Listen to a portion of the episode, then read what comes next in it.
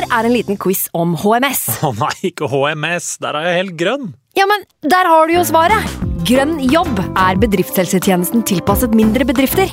Våre HMS-eksperter hjelper mer enn 8000 bedrifter over hele Norge med alt fra lovpålagte HMS-krav til pålegg fra Arbeidstilsynet.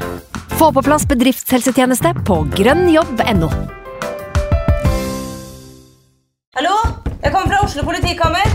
Ine Jansen er purk. Er du purk? The motherfucking bitch. Alt jeg vil, er å finne ut hva som skjedde med mannen min. Jon Carew. Er jeg sikta for noe? Iben Akeli. Det er du. Ole So, Lars Berrum og Big Daddy Karsten. Hvem sin side er du på, egentlig? Anette Hoff, Tone Danielsen, Kommer du fra Afrika? Jørnis Josef, Nesten. Kløfta. Trond Espen Seim, Det er synd å si det, men det var feil mann som døde. Purk. Premiere tirsdag på TV2 Play. Episoden presenteres i samarbeid med Bergen skadedyrkontroll og Footmob.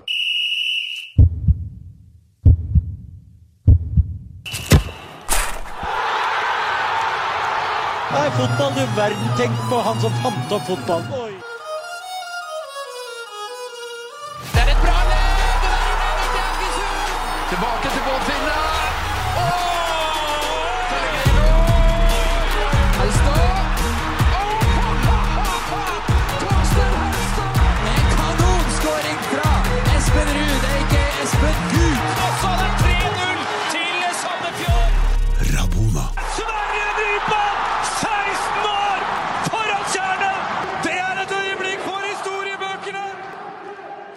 Hei og velkommen til episode 106 av Rabona. Eh, For litt over et år siden så publiserte vi vår aller første episode. og Var det én ting vi eh, lovte og uttalte oss sverget på da, så var at vi ikke skulle bli en såkalt VAR-pod. I dag, 13 måneder senere, så skal vi ha vår tredje VAR-dedikerte episode. Men eh, denne gangen blir det ingen debatt om fordeler og ulemper og hva som må til for å få det til å funke. For eh, vi i panelet er faktisk eh, alle samstemte. Vi vil ha VAR ut av norsk fotball, helst ut av fotball generelt. Og i eh, kveldens episode skal vi snakke om hvordan vi faktisk kan få det til å skje. Så om du som lytter tenker at ai, ai, ai, dette blir en skjev debatt om VAR, og om du i tillegg mener at alle som vil fjerne VAR tar feil, ja, da anbefaler jeg deg å hoppe ca. 30-40 minutter fram i tid fra nå, for da er det noe stoff for deg også i denne episoden. Men eh, etter vi har vært innom det, så eh, må vi også innom litt sånn som europacupkamper eh, som ble spilt nå på torsdag. Vi må se hva som har skjedd ellers i norsk fotball i overgangsvinduet, litt snakkiser og greier.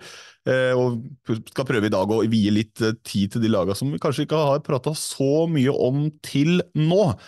Men altså, episode 106, eh, Jonas, du har jo alltid litt statistikk, og hva har du kokt fram denne gangen? Eh, nei, kan jeg høre eh, med deg, da? Hva tror du, da? Eh, 100 og... Jeg vet hva det er. Ja. Desibelnivået til Alfred Johansson i pausepraten mot Vålerenga. ja. Eh, ellers så kan det være Millimeter tykke veggene som han eh, garderoben til Alfred, kanskje? Ja, eller eh, antall tweets i sekundene om Alfred Johansson, så rett etter at den videoen ble klippa, kanskje? Ja, folk var jo i hysterisk en vending der. Nei da, det er antall kamper Sven Mathisen har i Eliteserien, og det er antall baklengsmål Fyllingen har på øverste nivå, som eh, ble gjort på tre sesonger. Og så er det antall minutter som Torstein Helstad har spilt sammen med Olivier Tomert. Men uh, Tomert heter det sikkert. Men eh, Torstein er ikke her akkurat nå, for lytterne som lurer. Han hopper inn etter hvert. Han eh, blir med oss seinere. Sånn er det noen ganger. Eh, hverdagen slår inn, og folk skal i ste andre steder. og Det kommer vi litt tilbake til også, for eh, det er på tide å få inn litt gjester. For vi hopper egentlig bare i det, vi.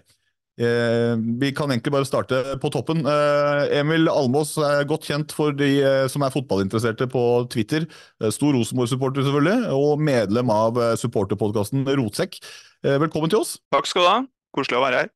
Jo, takk for det. Takk for det at du syns det. Det får vi se, da. Men eh, det var i hvert fall hyggelig sist gang vi møttes. Det var en hyggelig kveld for min del. Eh, Starten på en litt sånn eh, ja, kjedelig sesong for din del, og endte med en grufull sesong for meg. Men det var en hyggelig, hyggelig kveld i Trondheims byliv den sist gang vi møttes. Ja, enig. Men eh, har du fått kommet deg etter fjorårets sesong, eller? Ja da. Det er jo det som er så fint med offseason og vinteren, at eh, da er jo dum som jeg er, så er jo håpet tilbake igjen. Da, sant? Hver eneste jul så går han jo og tror at Rosenborg er verdens beste fotballag, og at vi skal vinne serien eh, det året. Så det, det er jo litt av det som er å risette. Jeg eh, skal ikke si at jeg går rundt og tror at uh, Vålerenga kommer til å vinne noe som helst eh, serie i år, men eh, vi har i hvert fall trua på at det kanskje kan vinne et par flere hjemmekamper enn eh, vi klarte å sope med oss i fjor.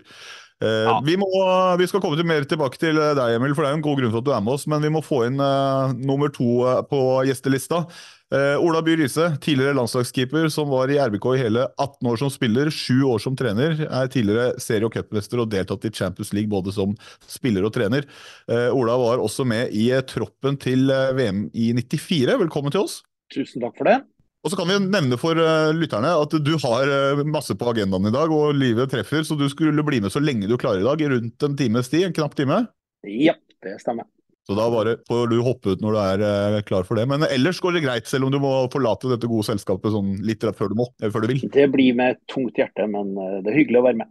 Vi, det er ikke tilfeldig at vi har med dere to i dag, for vi sa det, inn- jeg sa det innledningsvis i uh, introduksjonen av episoden, at uh, vi har lyst til å se på hvordan vi kan bli kvitt uh, VAR. Og, eh, men før vi liksom hopper inn i det, så eh, kan vi ta en liten reklame for Bergen skadedyrkontroll, som ble snekra sammen tidligere i dag. Eh, Jonas, den var du ganske fornøyd med, eller? Ja, litt. Ja. Den forklarer i hvert fall hvor vi som podkast står, så da sier jeg bare snurr reklamesnutt. Rabona. Episoden er sponsa av Bergen skadedyrkontroll. Så var det lagt inn i feltet! Det er 4-1! Vent litt, vent litt. vent litt. Dommeren har eh, kontakt med varebussen på øret. Hva er det han får beskjed om her nå, da?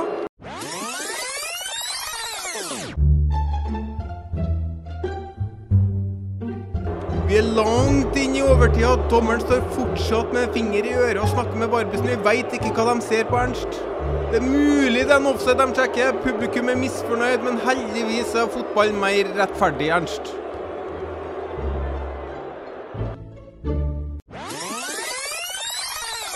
Det er dømt skåring på Lerkendal, Ernst! 97-30 på tavla! Skåringa var visst skåringa likevel. De greide ikke å finne feil, men de prøvde heldigvis hardt, da. Er det det her man vil ha? Er rettferdighet viktigere enn euforien ved scoring? De magiske jubelscenene uten usikkerhet? Et publikum og spillere i ekstase som kaster seg rundt hverandre og feirer som om det ikke er noen morgendag. Øyeblikk som kun fotballsupportere kjenner seg igjen i. Er det de øyeblikkene vi vil ha bort, bare for litt rettferdighet? Eller ønsker vi det her? Så var det lagt inn i feltet! Det er 4-1! Herre min hatt! Herre min hatt! Det er 4-1! 88-55 på tavla! 88-55 på tavla! Frode Johnsen har skåra tre! 4-1! Avløsning, Ernst! Avløsning!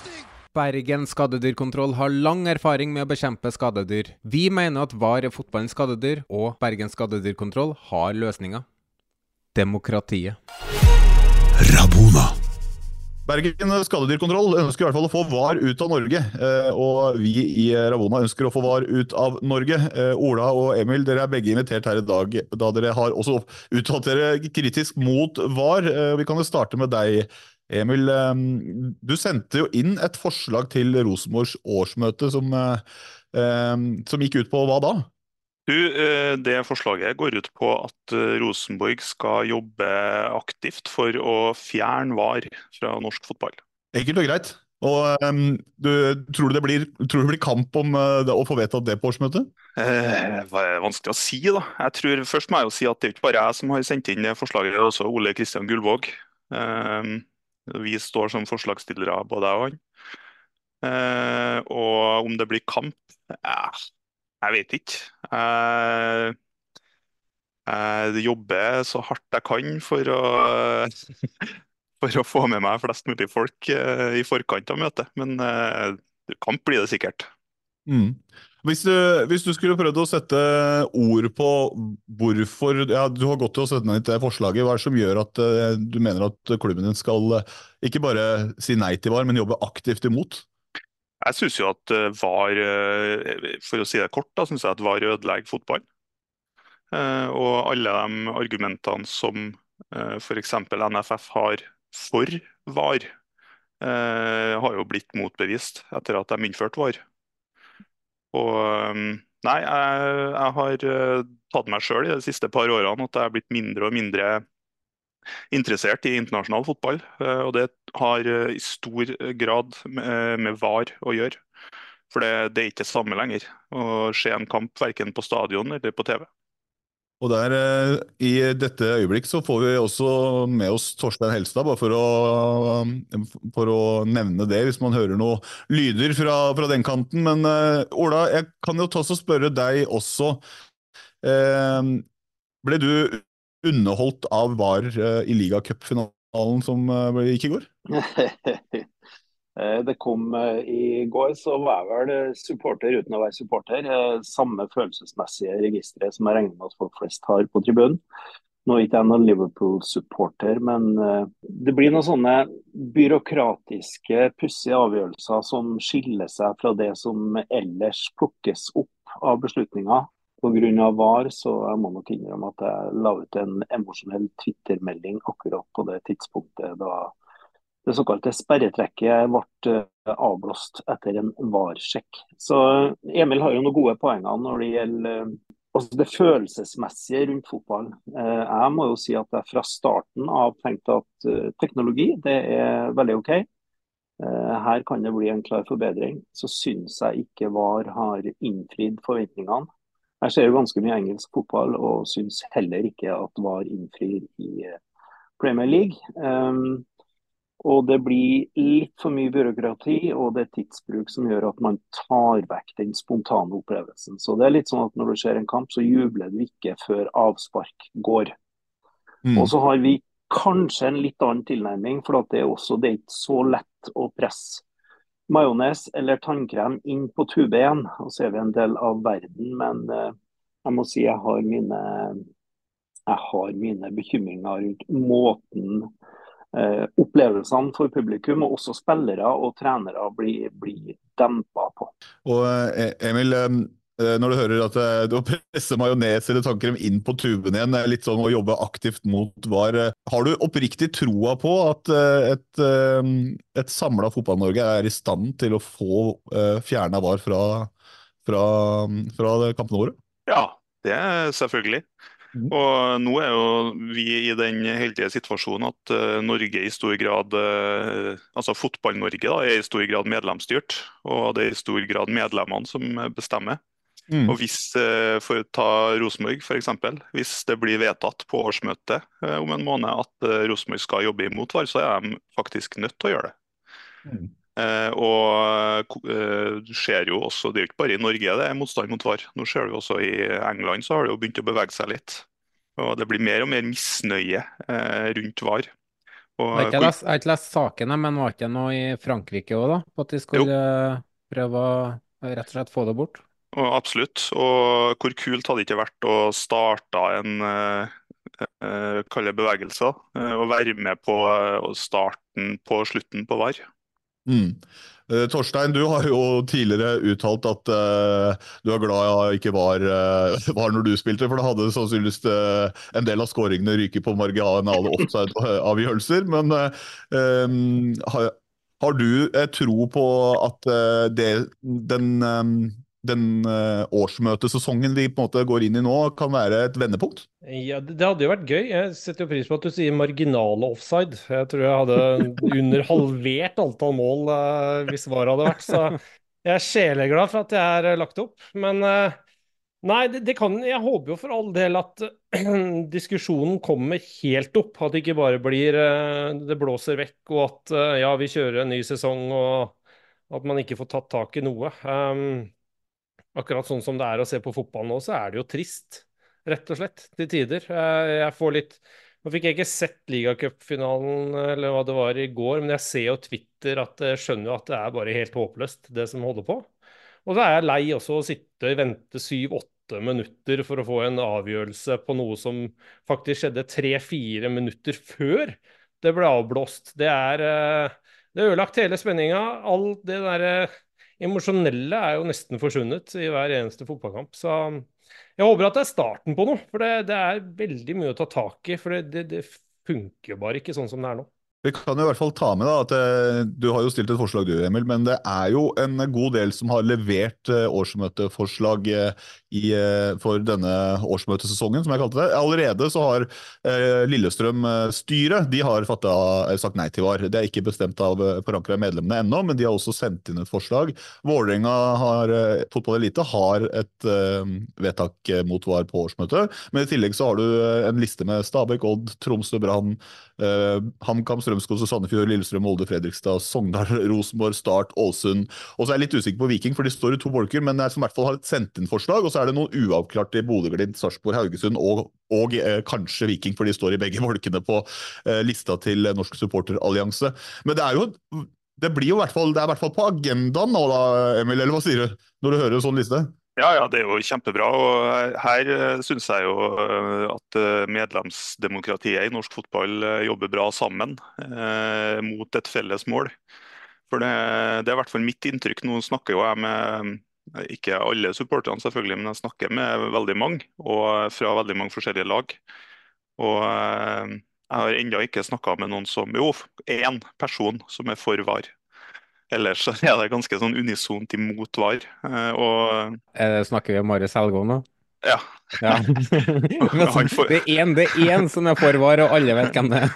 ja, Han får ikke jeg snudd heller. Men uh, det, nei, jeg synes det, og det jobbes veldig bra. da. Det gjøres på strukturert, uh, riktig måte. Folk Det er ikke bare prat om det, det, er, det skjer faktiske ting. Så det er mm. kjempebra. Det blir utrolig spennende å følge utviklinga på årsmøtene på, på, et litt annet nivå da, for oss som er uh, klar for å gi VAR litt motkamp. Men uh, Ola, uh, hva, hva, tenker du måte, fra toppen av huet ditt som en gammel ringrev i fotballen? hva er veien til å, å, få gått løs på dette skadedyret som Jonas har i reklamen sin, som vi kaller VAR? Hvordan, hva tenker du er måten å, å få det her ut på? Nei, Det er et sabla godt spørsmål. for det at eh, det er jo, Fotballen er jo til for supportere. Fotball er opplevelse, og fotball er følelser. Og så er det jo sånn da, som de facto at det er inngått en medieavtale som varer til 2028. Eh, og Det gjør det litt mer komplisert å gjennomføre det som mange ønsker seg. Så, og det kan nok få noen økonomiske konsekvenser. Så som det er masse argumenter for, og så er det noen praktiske betenkninger imot. Eh, men det er jo helt riktig at det er en ganske internasjonal, utbredt bølge av skepsis til måten det, det behandles på nå. Og det er jo spesielt at det er så mange situasjoner som blir plukka ut. Det blir som en slags sånn, eh, det blir som en skattekontroll hvor du tar ut én situasjon, og så finner du et punkt som du kan ta i den situasjonen. og så tenker du men himmel og hav. Det har vært ti situasjoner uh, nylig som var nesten likedan, men det førte ikke til den skåringa. Dermed så fikk det passere. Sånn at det, det er noe mer konsekvent, eh, konsekvens av, av, eh, av, regler. Og det koker igjen ned, og det tror jeg kanskje er de fleste som argumenterer imot, det at det fortsatt det går ikke an noen objektive parametere i, i, fotball. Eh, man prøvde med nedenfor ermer på armer og i hele tatt. Men, men det koker ned til skjønn. Eh, og så lenge det koker ned til skjønn, så kan det hende at dommerne skal få lov til å bruke det skjønnet ganske så fritt. Jonas, var du på, var du på tanken da nå? Det så ut som en lur tanke. Ja, Vi har jo sett en annen utvikling. Vi var inne på det forrige episode uh, med VAR. og det er jo at det har så Fotballen som vi kjenner den, ja, det er jo verdens enkleste idrett eller sport. Uh, reglene er ganske enkle. Fem-seksåringer skjønner reglene. Uh, uansett alder eller samfunnslag man kommer fra, så er fotball en enkel idrett. VAR har jo bidratt til å gjøre det her mye mer komplisert. Uh, Hands-regelen er jo et uh, godt eksempel på akkurat det. at uh, Offside-regelen, armhule her og der det, det som, altså, VAR har rett og slett gjort alt så mye mer komplisert. sånn at når et enkelt innlegg blir slått inn i feltet uh, mot Ajax, og så ender det opp med et frispark som halvparten skjønner, og andre halvparten ikke skjønner, og så er det de som hvorfor tar VAR den og ikke altså, Det blir så mye det er ikke bare én diskusjon rundt enkeltsituasjoner, det blir mange diskusjoner rundt én ting. Eh, så satt vi og snakka om dommerne før i tida òg. Før i tida, for ett år siden. Men da kunne vi jo si at ja, men dommeren var mm, posisjonert der, det var noen sikta som ikke var som dekka for, så vi har forståelse for den eller den. Og så kunne man selvfølgelig slakte dommeren for å gjøre grove feil. Mens nå så er det uansett, så lenge VAR kommer inn og det er tvilstilfelle, så vil det bare bli enda mer diskusjon og enda mer høylytt diskusjon fordi at uh, man gjør feil med videodømming. da.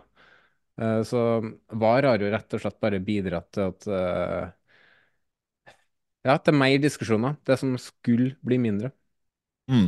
Men, uh, Ola var jo inne på det, Emil, uh, med dette med denne medieavtalen som ligger i bånn. Altså, når du stiller et sånt forslag sånn som du gjør, og hvis du får med klubben, uh, klubben på det, da, frykter du at, at man først da kanskje kan få denne motstanden som, uh, som, ligger i bunnen av en formell kontrakt mellom forbund og, og TV 2, og, eller at, at, da kommer det plutselig en helt nye mekanismer i spill som gjør, plutselig viser at det var ikke så lett allikevel? Eller hva tenker du rundt det, den problematikken som Ola nevnte der?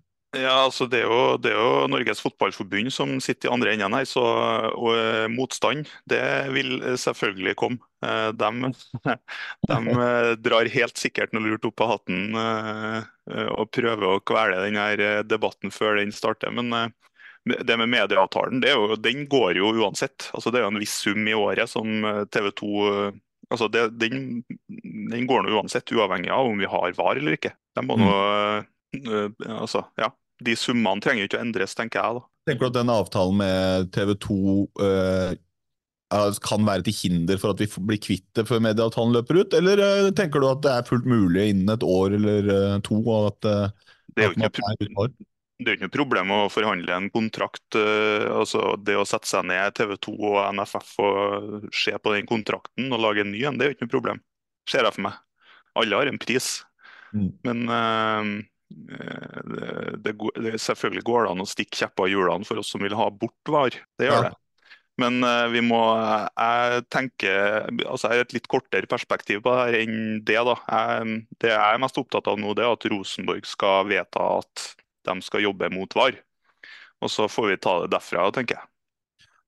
Sånn Rent praktisk der, da, hva, hva, tenker du innebærer for eh, de som jobber i klubben hvis det vedtaket går gjennom? Hva vil det si for deg, i hvert fall, uten at du skal snakke på vegne av alle supportere? Men hva vil det si å jobbe aktivt mot VAR?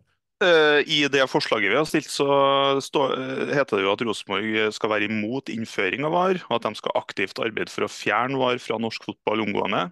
At de skal samarbeide med andre klubber og organisasjoner. Og at de skal fremme forslag om avvikling av VAR. Og Det er jo gjerne det med et medlemsdemokrati, at hvis det vedtaket ligger, så må man jo gjerne gjøre det. Det var en ganske tydelig, tydelig arbeidsoppgave.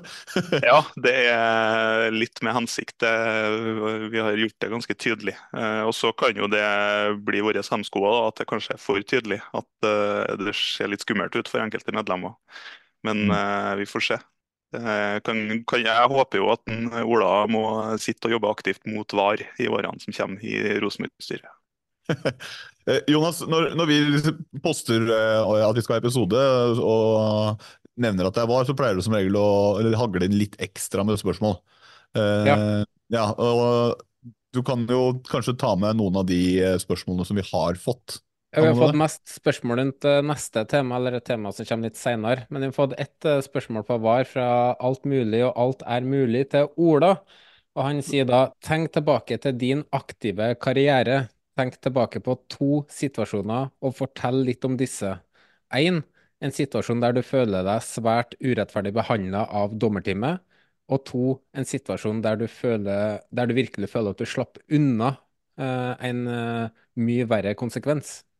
Ja, siden vi snakker med Vålerenga-supportere her i studio, så var det en kamp mot Vålerenga hvor jeg fikk en eh, Fikk vel en smell med en albue i hodet, så jeg må ut med hodeskade. Men målet ble godkjent. Det er ikke sikkert at det har blitt godkjent i dag uten at det var noe påvirkning på kampen. Og så husker jeg en e-cupkamp det første året Rosenborg spilte i Europa. Og Jeg har sett på video etterpå hvor vi spiller i Irland, og hvor jeg da er ute.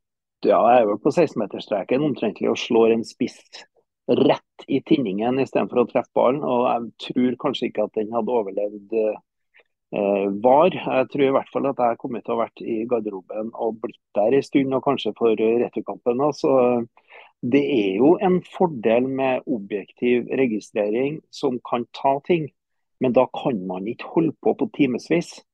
Jeg har brukt å si at hvis du ikke klarer å se en offside etter 30 sekunder, så er det det noe annet enn landmåling, som gamle mester Eggen sa. Så da kan du la være å sitte med røde streker og måle frem og tilbake.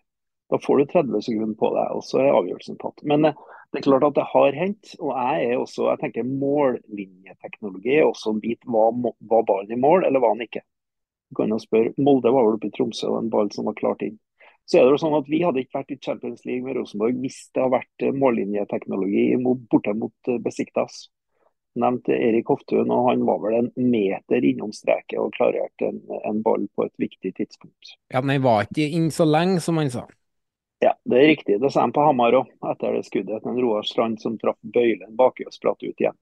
Om ballen var inn, det kunne ikke ha vært særlig, særlig lenge. Det er jo et objektivt parameter. da. Ballen må være så og så lenge eh, over streken for at det skal være godkjent. Da, da, det går an å tidfeste da, med at det må være sånn to-tre sekunder hvert fall før man, eh, før man kan uh, juble. Men uh, nei da.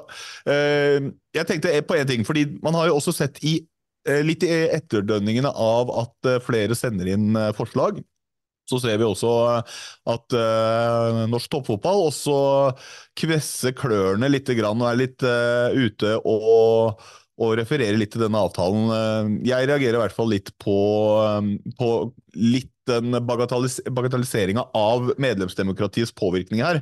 det er min personlige oppfatning av det. men hvor skummelt eh, kan det være da, at vi har eh, en eh, interesseorganisasjon for toppklubbene som tydeligvis kanskje ikke alltid er på, på lik linje da, som medlemmene sine, og, og kanskje har litt motstridende signaler. og det tenker jeg på Når du sender inn et sånt forslag, Emil, forventer du at hvis dette blir et, et flertall, at, at, de retter seg, eller, for, eller ser du for deg at det fort kan bli en sånn kamp mellom Eh, medlemmene og eh, organisasjonen som skal representere alle klubbene? Nei, det, det Ja, vanskelig spørsmål. Men eh, vi så jo Det var jo en debatt rundt, rundt boikott av VM for et par år siden. og da var det jo stort sprik mellom medlemmene og interesseorganisasjonen og forbundet. Men så Eh, jeg vet ikke hva man skal forvente, egentlig. Men som jeg sa, så er det det viktigste for meg at Rosenborg vedtar det her. Og så får vi ta det derfra. For det, det, det det jeg kan påvirke eh, i første omgang. Ja, Frank, du har jo sittet på sidelinja litt. Eh, hva tenker du når du hører sånn Bodø-Glimt, uavklart? hva forventer du av det kommende årsmøtet som supporter og, og medlem i E-feltet at skjer i en sånn setting? Nei, først og fremst så håper jeg og tror jeg jo det at uh, medlemmene møter opp for å faktisk avgi sin stemme. Det er jo det viktigste med årsmøtet, er jo det at faktisk medlemmene bruker stemmeretten de har. Nå har jo Glimt uh, sitt årsmøte kommer om to uker fra i dag, så mulig jeg må stå over en pod om uh, to uker. Men det er i hvert fall viktig at eh, folk eh, kommer, kom, folk eh, si, kommer med sine innspill i debattene, og at man har en god avstemning. Og så selvfølgelig, Jeg håper jo at medlemsmassen i Bodø-Glimt også er med på denne kampen om å få fjerna VAR. Så får vi se hva vi lander på. Men det kommer vel opp et spørsmål hos oss også. Har dere sendt, er det noen som har sendt inn forslag nå, av det du vet? For nå er jo ikke den sikkert at den lista jeg leste opp i stad er oppdatert. Vet du om noen har sendt inn et forslag til årsmøtet? Eh, nei, altså nå det, det, skal jeg faktisk ikke si 100 sikkert, men det mener jeg ble gjort, ja. Jeg har i hvert fall hørt eh, folk som har mobilisert til det. Men vi har jo et par andre kamper i Bodø vi også står i, bl.a. med litt med pyro og utestengelse og litt sånn. Så Noe å ta tak i. ja da, det, det kommer flere, flere, kamper og saker. Det blir et veldig interessant årsmøte for vår del, og det tror jeg egentlig gjelder store deler av landet der det er eh, saker som jeg håper medlemmer i klubber eh, er engasjert i. da. Eh, det er jo det mm. viktigste. og ja. Men du vet, Frank, jeg kan hjelpe deg litt. da, fordi eh, De har jo sånn mal på eh, NSO sine sider som du kan fylle ut. og Du trenger sikkert bare putte navnet ditt på. Så kan du sende inn. Ja, da, Det er jo det som er gjort. da, det er jo det at det er noen som har sendt inn Eh, samme som jeg tror Lillestrøm starta med, eller noe sånt. Eh, I hvert fall blant de første som sendte inn i fjor, da, så er det vel den malen som er brukt. Så vi kan komme med en oppfordring til det, og det er de som ikke har meldt seg inn i klubbene sine nå, er jo for seint i forhold til årsmøtene i år, men det er jo å melde seg inn så man kan være med i fremtidige årsmøter og ta uh, avgjørelser i viktige saker, uansett hva det gjelder. Uh, om fem år så er det kanskje en helt annen, ny og viktig debatt som vi trenger medlemmene sin stemmerett på. Mm. Jeg kan også legge til at uh, Nå har jeg brukt uh, referert litt til uh, NSO, da, men Eller er det NSA jeg sier? Allianse. NSA er det vel. Eh, men eh, de, har, eh, de, oppfordrer også Det er veldig typisk at det er veldig aktuelt for eliteserieklubbene. Eller de som var i Eliteserien i fjor, fikk som da kjenner på det, på en måte som har tatt et standpunkt og løfta det opp. Men de oppfordrer også alle som lager Obos som nærmer seg opprykk, om å, om å ta stilling til VAR, i hvert fall. Det kan man jo ta med seg i Det er noen som må, kanskje må ta stilling til det, men det er litt sånn det, det, ikke, det er ikke sikkert at man vinner den kampen i år, men en oppfordring i hvert fall om at medlemmer der ute av diverse klubber. Eh, løft forslag eh, og få det behandla. Det er eh, i hvert fall en start. Jeg lurer på om vi, vi nærmer oss ferdig med å få VAR ut segmentet, og så kan vi få inn de andre lytterne som jeg refererte at kunne hoppe inn sånn cirka nå. Høres det greit ut, Jonas? Ja, se på. Ja. Da sier vi det sånn.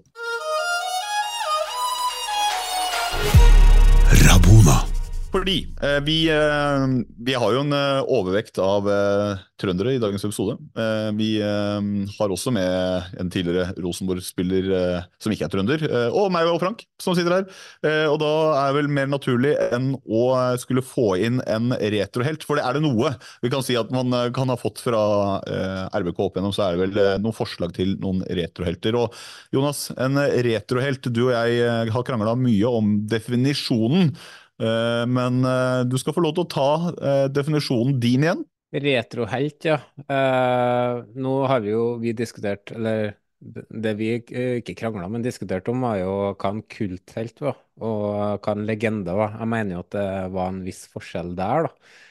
Um, en legende er jo en som har på en måte Mener jeg en som har oppnådd noe, da, sportslig sett. Det kan være å vinne en tittel det kan være toppskårertittel, eh, det kan være et eller annet. Eh, mens en kulthelt kan jo ha vært en middelmådig fotballspiller som har gjort seg bemerka på mange andre måter i og rundt klubben eller eh, ligaen, mener nå jeg. Men vi har jo den spalten her som retrohelt, der du kan være både legende og kulthelt. Og så kan de som er gjester nominere en person de vil ha inn på den lista. Så skal vi stemme over hvor den personen skal inn hen. Og Emil, du har fått den æren eh, denne gangen. Ja, eh, det stemmer det. Har, eh, vi snakka litt sammen i går om forskjellige Rosenborg-spillere som både jeg og du er glad i. Uh, og jeg har jo en uh, Det har jeg egentlig alltid hatt siden jeg begynte å følge med Rosenborg. Uh, jeg har hatt en svakhet for Erik Hoftun. Han var rett og slett en jævlig god fotballspiller. Definitivt. Torstein, du har jo spilt med, med Erik. Hvordan var han som lagkamerat? Du var kanskje litt over høyden, da, men du har kanskje spilt mot når han var på det beste òg? Ja, jeg har løpt etter Hoftun flere ganger, jeg. Det var jo som oftest det man gjorde på seint 90- og starten av 2000. At uh, det var ikke han som løp etter meg, det var jeg som løp etter han. Um, det var jo han som skulle gå forbi det der pressleddet som aldri kom fra den brannspissen. Så da ble det en del meter, da, unødvendig. Så men en kjempetrivelig og fantastisk eh, fin uh, person, uh, Erik, altså. Uh, rett og slett. En som du faktisk kunne stoppe opp underveis og stå og snakke om når vi spilte kamper også. slå en prat og, om ting hvis det var noen som lå nede og sånne ting. Så han var såpass Hva prata han da? Nei, jeg, faktisk, når, vi, når de tok gull på Brann stadion. De vant vel 7-2 eller et eller annet år, eh, gjorde de ikke det, Rosenborg? Da spurte jeg en veldig fint om jeg kunne få et mål, så jeg kunne i hvert fall bli toppskårer det året. Så han slapp, han slapp meg fint igjennom, da. Det var en liten high five på tur ut igjen. Vi lå jo under ganske mye, så det gjorde ikke så veldig mye. Men det var faktisk sånne ting som gikk an å snakke om underveis. Så da var det hyggelig å spille på lag seinere, da. Det var for all del. Ja, det er avtalt spill, ja. Da notert. Ja, det Solide offside-mål og avtalt spill. Det begynner å danne seg et lite bilde her av, eh, av måla, da. Er det det som du sier? At, ja, det er viktig å kunne gamet, vet du. Det er, eh, det er ikke tilfeldighet her, gutter. Det er derfor du har odds på det i tillegg. Ja, ikke sant? Alt henger sammen. Så nei, all honnør til Jeg syns det er hyggelig at man drar opp uh, Hoftun. Det, det syns jeg er veldig hyggelig. Så både som motspiller og medspiller. En uh, veldig, veldig fin uh, person. Lista uh, over retrohelter, før vi begynner å plassere, den er nå ja, nest, en over dobbelt så stor på slanger, så det er mye hyggeligere å få, få slenge inn en retrohelt. og Vi må fortsatt få pumpe på litt positivitet, men i dag blir det nummer seks, og så får vi se hvor det havner. Skal vi lese opp lista etterpå?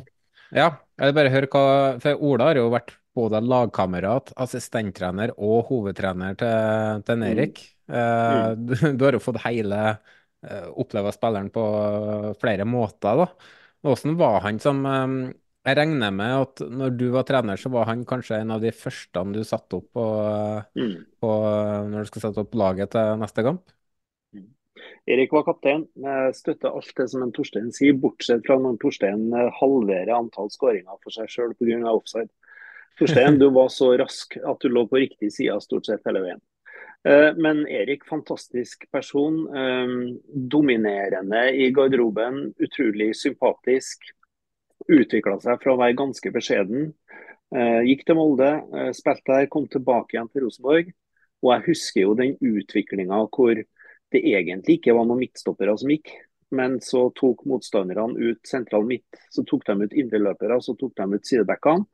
Og da var det bare én mulighet igjen, og det var at noen av stopperne kunne utfordre. og Det ble Erik. og Han var så god til å utfordre med ball og slippe ballen så sent at han, han trakk på seg en midtbanespiller, sånn at en medspiller ble fri. Veldig intelligent fotballspiller. Eh, kjemperask i hodet, og da kompenserte han det at han var sånn middels rask eh, løpsmessig. Ja, for han, han var jo verken rask, og han var ikke noe sånn bauta i lufta heller.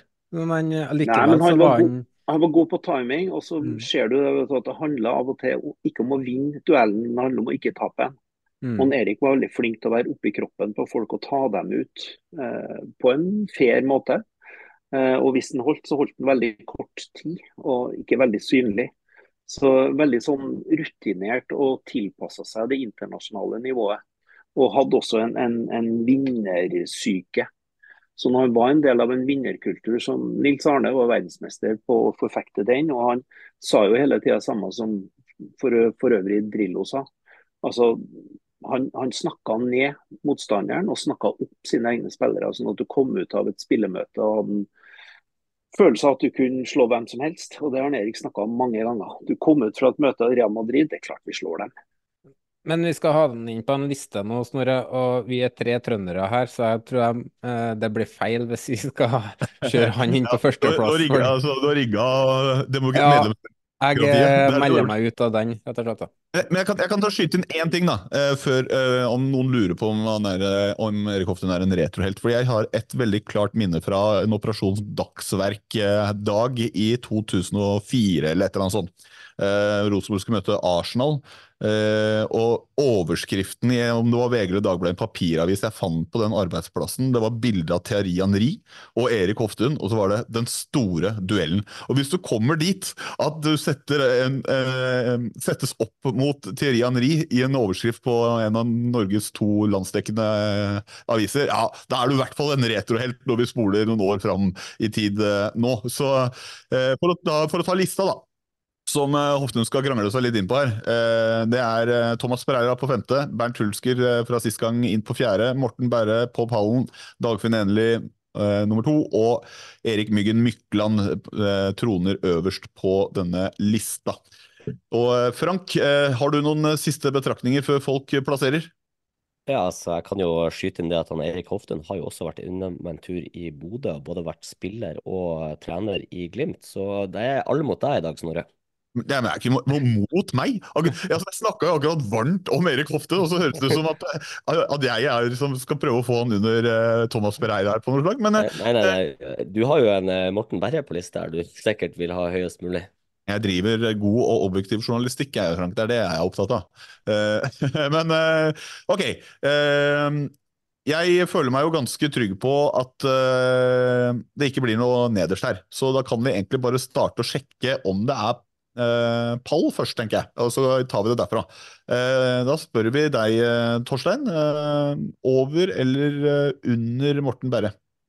Ja, det er jo det som er det store spørsmålet. Eh, jeg må nesten si over, ja, altså. Det må jeg gjøre. Emil? Ja, definitivt over. Eh, og så vil jeg òg skyte inn, eh, for å snakke enda litt mer varmt om Erik Hoftun her, eh, at eh, da Uefa lista opp tidenes beste spillere på starten av 2000-tallet, så satte de Erik Hoftun på en 86.-plass foran Rivaldo og Ronald Koman. Ja, er, jeg vet ikke hvor Morten Berre var på den lista, men eh, det var kanskje noe rundt der. Men eh, da er det over på deg, ja. Eh, Da blir det jo Ola, da. Som, du kan jo sedimentere en pallplass allerede, tror jeg. Ja, full respekt for Morten, altså, som har vært en strålende spiller i den norske serien over mange år og, og en, en kulthelt. Eh, Men jeg må, jeg er nødt til å sette Erik foran. Og Frank, da, bare for ordens skyld, eh, hva sier du? Ja, Nå betyr det ikke noe lenger, men jeg hadde også vært over. Ja, da trenger ikke jeg å uh, ta stilling til om jeg må dolke uh, kjære Morten Berre i ryggen. Men uh, da er det jo over eller under Dagfinn Enerly, da. Kan vi fortsette til deg, Torstein? Ja, For meg så er det også over Dagfinn. Det er det. Og Emil? Ja, det jeg er kjempefan av Dagfinn Enerly, og all respekt til han. eh, Men eh, jeg må nok sette Erik Hoftun over. Og uh, Ola, da, det stiller du deg bak dette medlemsdemokratiet? Eh, Ja, jeg må gjøre det. Jeg har jo hatt en eh, Dagfinn òg som spiller. Fantastisk eh, spiller. Og hans historie er jo bare verdt eh, en førsteplass eh, i seg sjøl. Men eh, jeg må nok fortsatt holde på Erik. Ja, altså Frank, da, for ordens skyld. Ja, jeg føler også han må over han Dagfinn. Jeg føler han Dagfinn og Morten blir, kommer til å være ganske jevn på den lista. Så det, går du først over han Morten, så går du over han Dagfinn òg. Ja, det, det er også en artig teori. Men uh, ja, ok, der er andreplass. Den er i hvert fall uh, sikra. Så er det noen i Kristiansand nå da, som svetter litt ekstra. Uh, Torstein, over eller under uh, Myggen? Nei, jeg må si Myggen. eh, Det jeg har opplevd av Myggen. Han fikk æren av å lære av at man skal ta det med ro når man skal ta det med ro. Ikke stresse. Si- sier må har du tatt det med ro? Sier jeg har tatt det med ro. Nei, Myggen var eksepsjonell. Jeg, må, jeg, jeg holder på at Myggen eh, overlever den runden her. Mm. Og Emil, uh, jeg vet ikke hvor mye du stresser nå, men hør hva Myggen sier.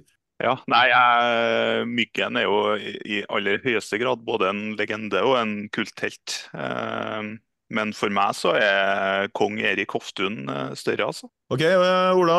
Uh, da er det, er det jo bort en viktig stemme her, da. Nei, Den syns jeg er vanskelig. Um, så jeg syns det er vanskelig.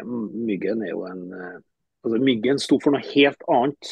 Altså Erik er fantastisk på sine måter. Myggen sto for noe helt eget i en helt egen periode for uh, norsk fotball. Så uh, jeg stemmer blankt. Uh, ja, Jonas, nå skal du stemme, eller? Ja, for jeg har lyst til å Som rosenborger så tror jeg det skal si noe kan telle litt, da. For uh, som Emil sier, da. eh, Erik Hoftun har vært stor for meg. eh, en av mine favorittspillere i Rosenborg gjennom historien, sammen med Roar Strand og Ørjan Berg og Bent Skammelsrud. Men ut fra hvordan jeg har tenkt på den lista her, da, så er det ikke bare fotballspilleren vi vil ha frem. Og, og hvis vi tenker kulthelt, så er Myggen uh, fort nummer én gjennom tidene for meg i norsk fotball. Uh, han var jo en bohem, han var noe som ingen andre var. Eh, hadde møtt den Myggen, så hadde jeg aldri tenkt at han var en fotballspiller. Han så ikke ut som en fotballspiller, og så spilte han, behandla den ballen som det var en tennisball, sammenligna med andre norske fotballspillere. Så er faktisk Myggen over Erik Hoftun. Ja, nå stemmer. Jeg teller ikke din stemme uansett, uh, Frank. Da skal du få avgjøre, avgjøre dette. Nei, jeg er også på Jeg, jeg kan veldig godt forstå at for en eh, RBK-er så er han Erik Hoftun en av de største eh, gjennom alle tider. Det kan jeg veldig godt forstå. Men eh, Eirik Myggen Mykland, han er, han er egentlig definisjonen av begge deler. Han er en legende og han er en kulthelt. Så det skal veldig mye til for å slå han. Så Hoftun får nøye seg med andreplass for min del. Da blir det jo fort andreplass. Men det er ikke dårlig altså, å komme på andreplass når det er eh, Det er, jo ikke, det, det er jo ikke dårlig å være på lista i det hele tatt. Nei, det er nettopp det. Men det er i hvert fall ikke dårlig å krangle seg over uh, en del, og så det, blir du akkurat slått uh, på myggen. Så Jeg skjønner store... fortsatt ikke hva Thomas Pereira gjør der, men Men uh, det, han har hatt noen dueller, Erik Hoftun, Thierry Henry og Erik Myggen Mykland på retrolista her. Men da blir det, da blir det andreplass. Men det, det er vel heller det syns jeg man skal være fornøyd med. Du, kan du leve med andreplass selv om du ikke kanskje er 100 enig, Emil? Eh, ja, jeg kan leve med det, eh, men du har helt rett i at jeg ikke er 100% enig. Da tror jeg vi bare tar og setter strek på retroheltlista denne gang. Eh, da kan ta med toppen, da, eller pallen, da, i hvert fall Myggen og Hoftun og Dagfinn Endelig som troner pallplassene i øyeblikket. Så får vi se hvordan det utvikler seg.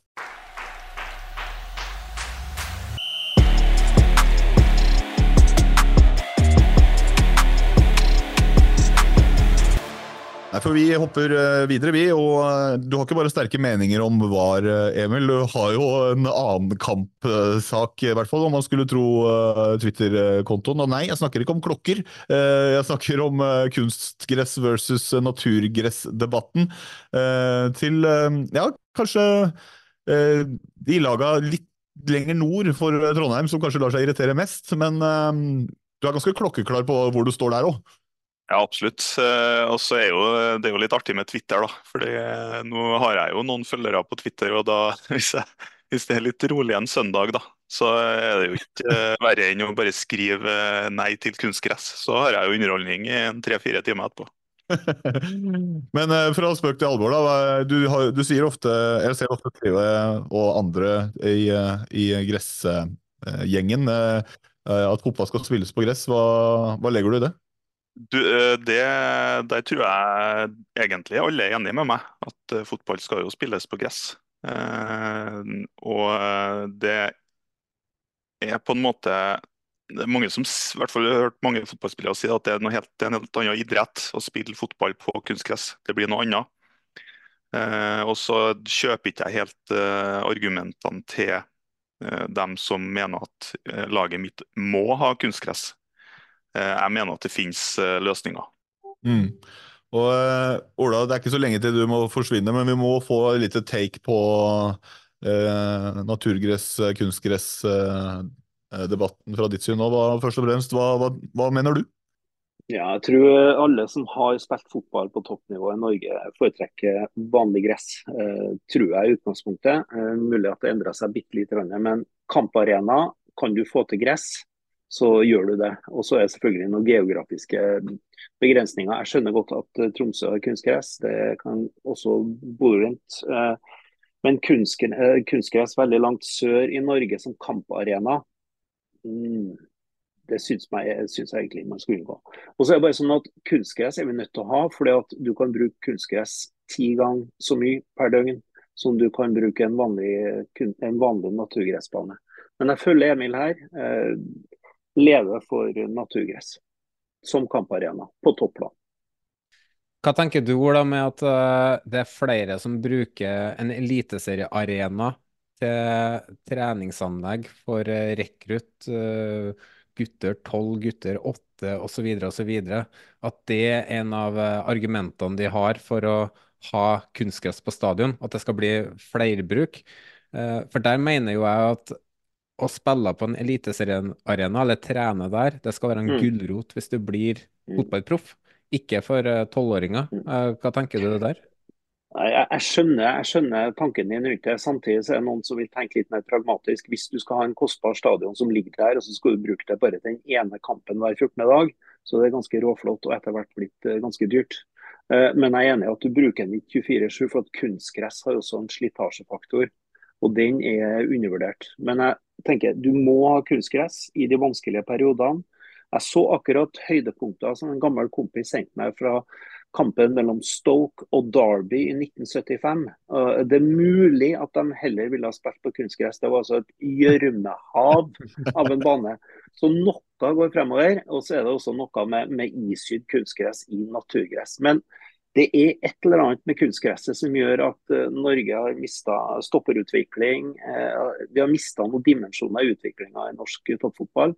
Og mange peker på kunstgress som en medvirkende årsak.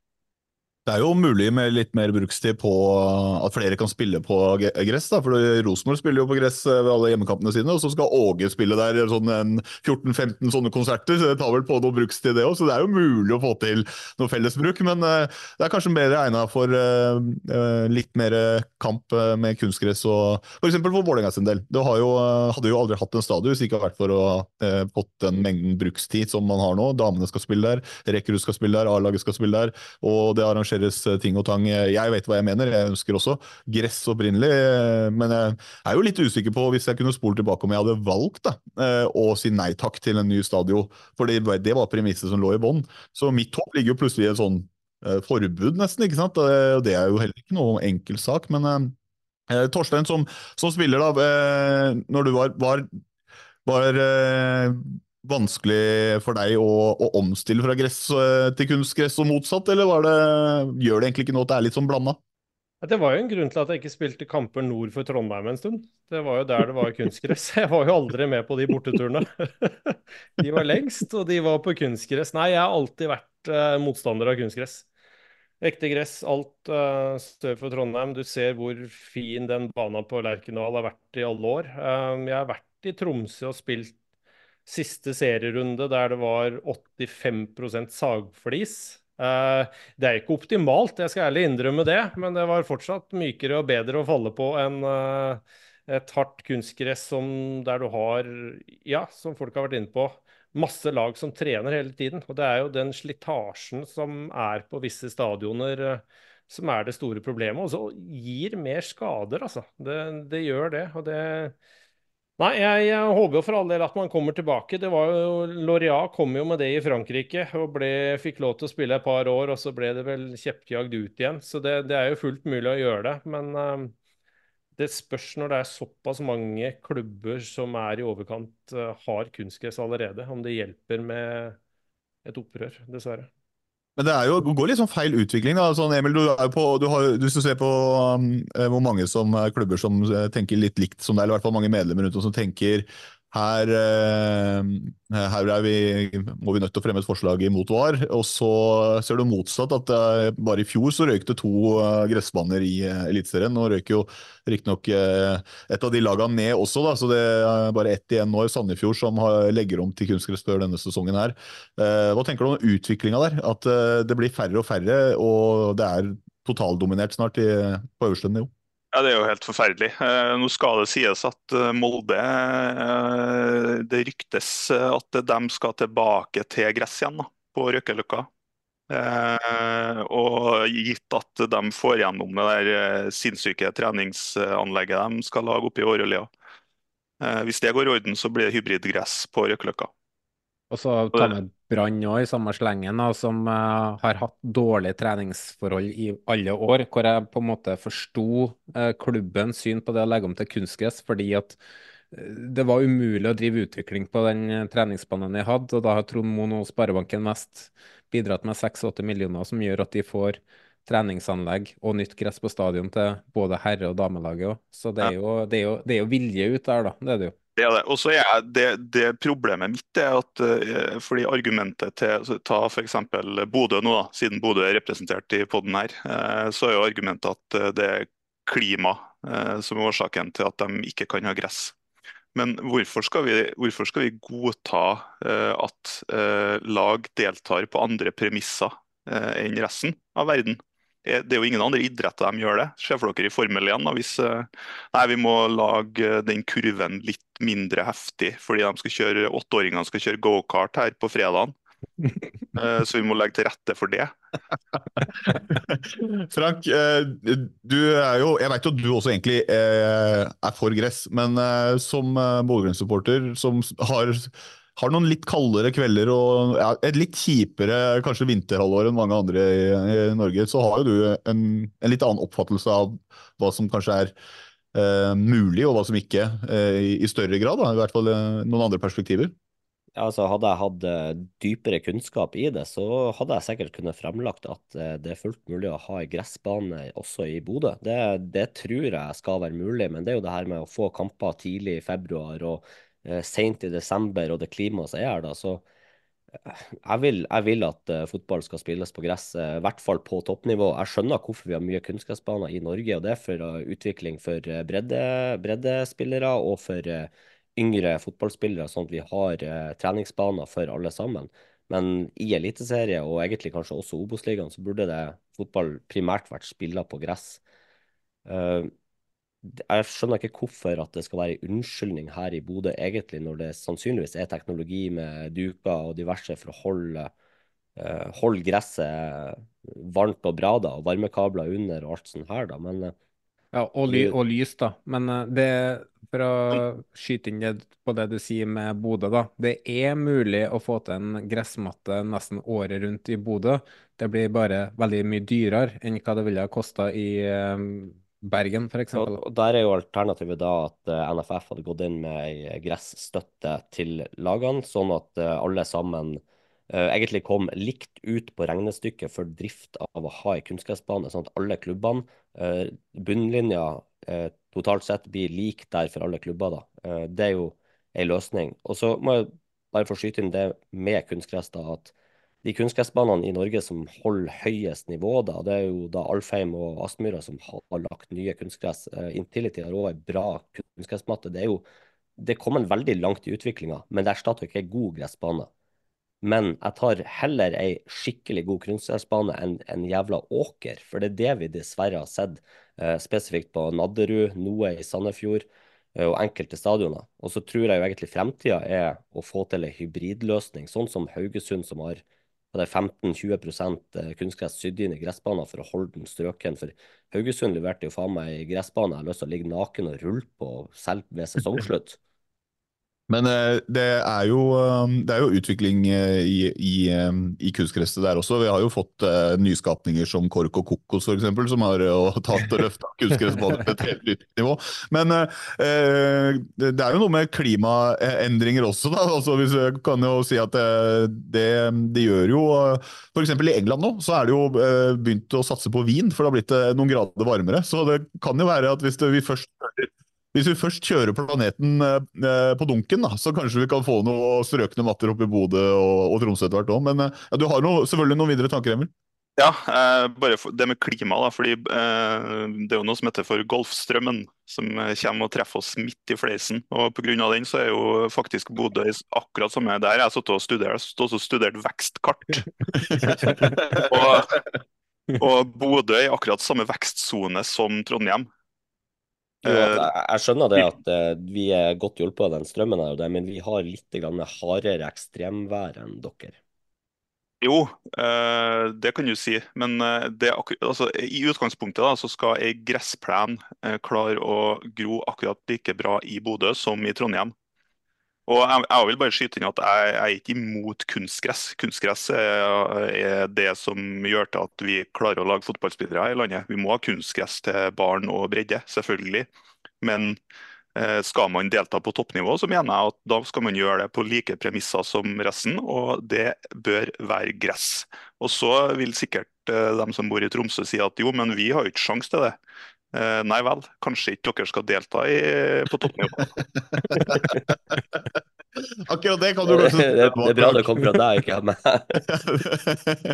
Men Jonas, før vi runder av det her. Du, jo, du er jo, altså jeg vet jo det, det er gress som gjelder for deg òg. Uh, vi har snakka mye om dette her, og det er veldig uh, lett å skjønne hvor du egentlig står. Men du har jo også uh, faktisk forsvart Sandefjord, eller i hvert fall forstått Sandefjord, på en helt annen måte enn f.eks. Vålerenga. selv om det er en annen type sak. Da. Men du kan jo ta det også, så man får en får en um, innblikk Ja, i den. først, først var jeg, jeg ser eh, hvorfor Sandefjord jeg, jeg ser det fra klubbperspektiv, da. Hvorfor de bytta. Uh, Ja, jeg, mente, jeg mente egentlig ikke forsvart, ja, men forsvar nei, for, for Sandefjord har jo, for å gjenta det, da, så har jo Sandefjord en fryktelig dårlig gressmatte. Eller hadde. Uh, de har gravd den opp nå, så den ser egentlig akkurat likeens ut. Men uh, den er vel ikke bytta, den gressmatta, på år og dag. Det er kommunalt anlegg, som òg er en utfordring i Norge, at eh, klubbene ikke eier egen, eh, egen gressmatte. Og eh, den var så full av sand, den er tung og jævlig. Eh, og med vinteren så dere kan godt snakke om den vinteren dere har i Bodø, men eh, dere er jo ikke i nærheten av å ha den snømengden som vi har nede her, f.eks. Så når den snøen blir liggende til langt ut i mars, så er jo ikke eh, banen i Sandefjord spillbar før i langt ut i mai-juni. Hvor mange vintre har du vært i Bodø? Det, det, det finnes noe som heter internett, eh, Frank. Jo da, men eh, det, er, det er stort sett? Det er stort sett vind... Det er stort sett uh, Snøen deres bles på sjøen. det, det er stort sett uh, hvitt i Bodø seks måneder i året. Jeg har vært, eh, jeg har vært grensejeger på norsk-russiske grenser. Da ønska vi oss til Bodø hele vinteren. Og dere klarte å gro ei gressmatte der også, på, på fritida? Ja, da har vi, da har vi det pod. Emil Almås ønska seg til Bodø.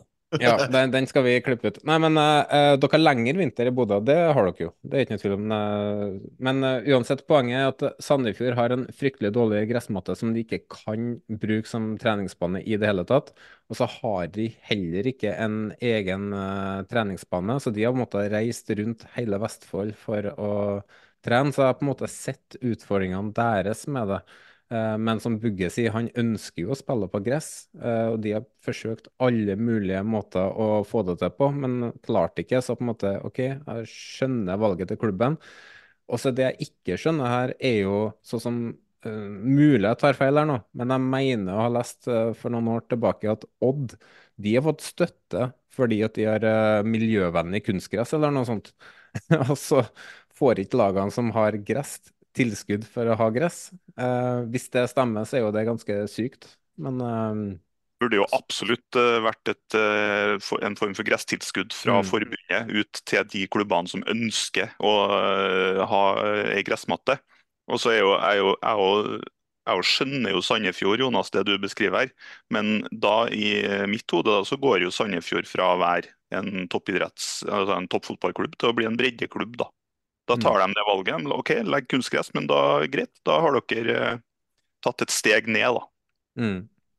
Og så har vi, for å sammenligne med Vålerenga, da, Snorre, så er det jo øh, litt fordi at øh, de har, eller hadde har, uh, andre ressurser enn det f.eks. Uh, Sandefjord har. Og så var det jo Ja, der- så er de så utrolig flinke på å forvalte det òg. Nei, men så er det en litt annen greie der at de måtte ha kunstgress for å bygge stadion. eh, Og så har de sikkert gjort sine forsøk på å få det til, og jeg vet ikke, men eh, ja. Jeg tror egentlig ikke, Nå skal jeg ikke være for bombastisk her, men jeg tror ikke man har gjort så veldig mye forsøk på å få det til. Fordi eh, premisset var veldig enkelt. Eh, for å få denne beryktede tomta på Valle til en krone, så, så måtte man forplikte seg til eh, mer enn eh, en, eh, en barnehage og en skole. Det var dette med brukstid, og at det skulle bli en del av et eh, idrettsanlegg eh, oppe på Valle som eh, hadde flere hensikter enn å, drifte et eh, A-lag i herreklassen. da. Eh, Så den, eh, jeg snakka med flere som har vært involvert i den prosessen, og sånn, og den tanken ligger eh, Å legge gress på en tittel ligger ikke der per nå. Eh, fordi det er helt urealistisk med de forutsetningene som er. Eh, eh, Jeg, har også, jeg skal ikke drive og nevne navn på det, men jeg har også snakka med andre og så har jeg spurt liksom, ja, men hva hvis det kommer et forbud. da? Hva hvis det kommer et forbud? Hva gjør man da? Eh, med denne brukstida og disse eh, idretts, idrettsklassene som trener der og rekruttene og sånn, hva gjør man da? Nei, da var jo svaret nei, men da må vi vel sikkert legge gress, da, for vi har jo lyst til å, vi legger jo ikke ned A-laget og klubben eh, sånn sett og sier at nei, da kan vi ikke spille kamper lenger, vi da. Så, eh, bruke Intility til, til breddefotball, da, så kan jeg ikke spille kamper på Ullevål. Det er jo en løsning. Ja, det, det, hadde jo vært supert det, å få lov til å dra til Ullevål. Nei, men det er jo helt høle, høle på. Altså, jeg selvfølgelig ønsker gress der, jeg, men jeg ser utfordringene med det. At det er ikke bare gjort gjort sånn at det bare fjerner eh, masse tid uten å finne en erstatning til det. Men jeg tenker det er jo eh, muligheter eh, i Oslo å finne eh, løsninger for bredde hvis man har politisk vilje til det, hvis man har, går inn for det, hvis man har støtteordninger rundt gress hvor noe av det kanskje kan I, Oslo hadde ikke vært vanskelig å gro gress heller, sånn sett, så man kunne jo brukt noe av de pengene på å sørge for at eh, i en overgangsfase at eh, folk hadde et sted å trene, et sted å spille kampene sine. Så jeg tror i stor grad at selv om ting er vanskelig, så er det mulig. Eh, du har eh, avtaler, forpliktelser, juridiske bindende ting som, eh, som, er vanskelig, men jeg tror ikke det er umulig. Jeg sier ikke at det er gjort over natta, men f.eks. For et forbud ville gjort at folk hadde måttet tenke annerledes. Og jeg er også veldig spent på hva forbundet med gummigranulat vil gjøre. fordi det vil jo svekke bredden i stor grad, og så må jo de begynne å tenke nytt. og så er det ikke sikkert at eh, sikkert at man gjør ting på samme måte da. Man må finne en annen måte å systematisere sånn folk får den tida de skal ha da, på godkjente, eh, gode baner. Da. Så jeg tenker Det er alltid mulighet, men man må liksom tørre å ta et standpunkt og så jobbe for det. Eh, og Det er litt der det ligger. Men jeg skjønner også at eh, ja, noen ganger så er det mest behagelig å gjøre det som er enklest òg, eh, som sikrer drift i så så lang tid framover.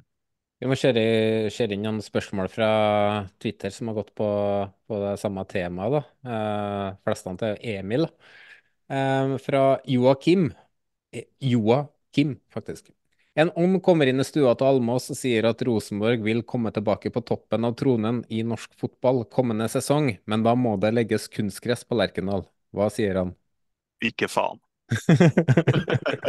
jeg har sagt det før, at jeg føler heller Rosenborg med gress i fjerdedivisjon enn Rosenborg med kunstgress i Champions League.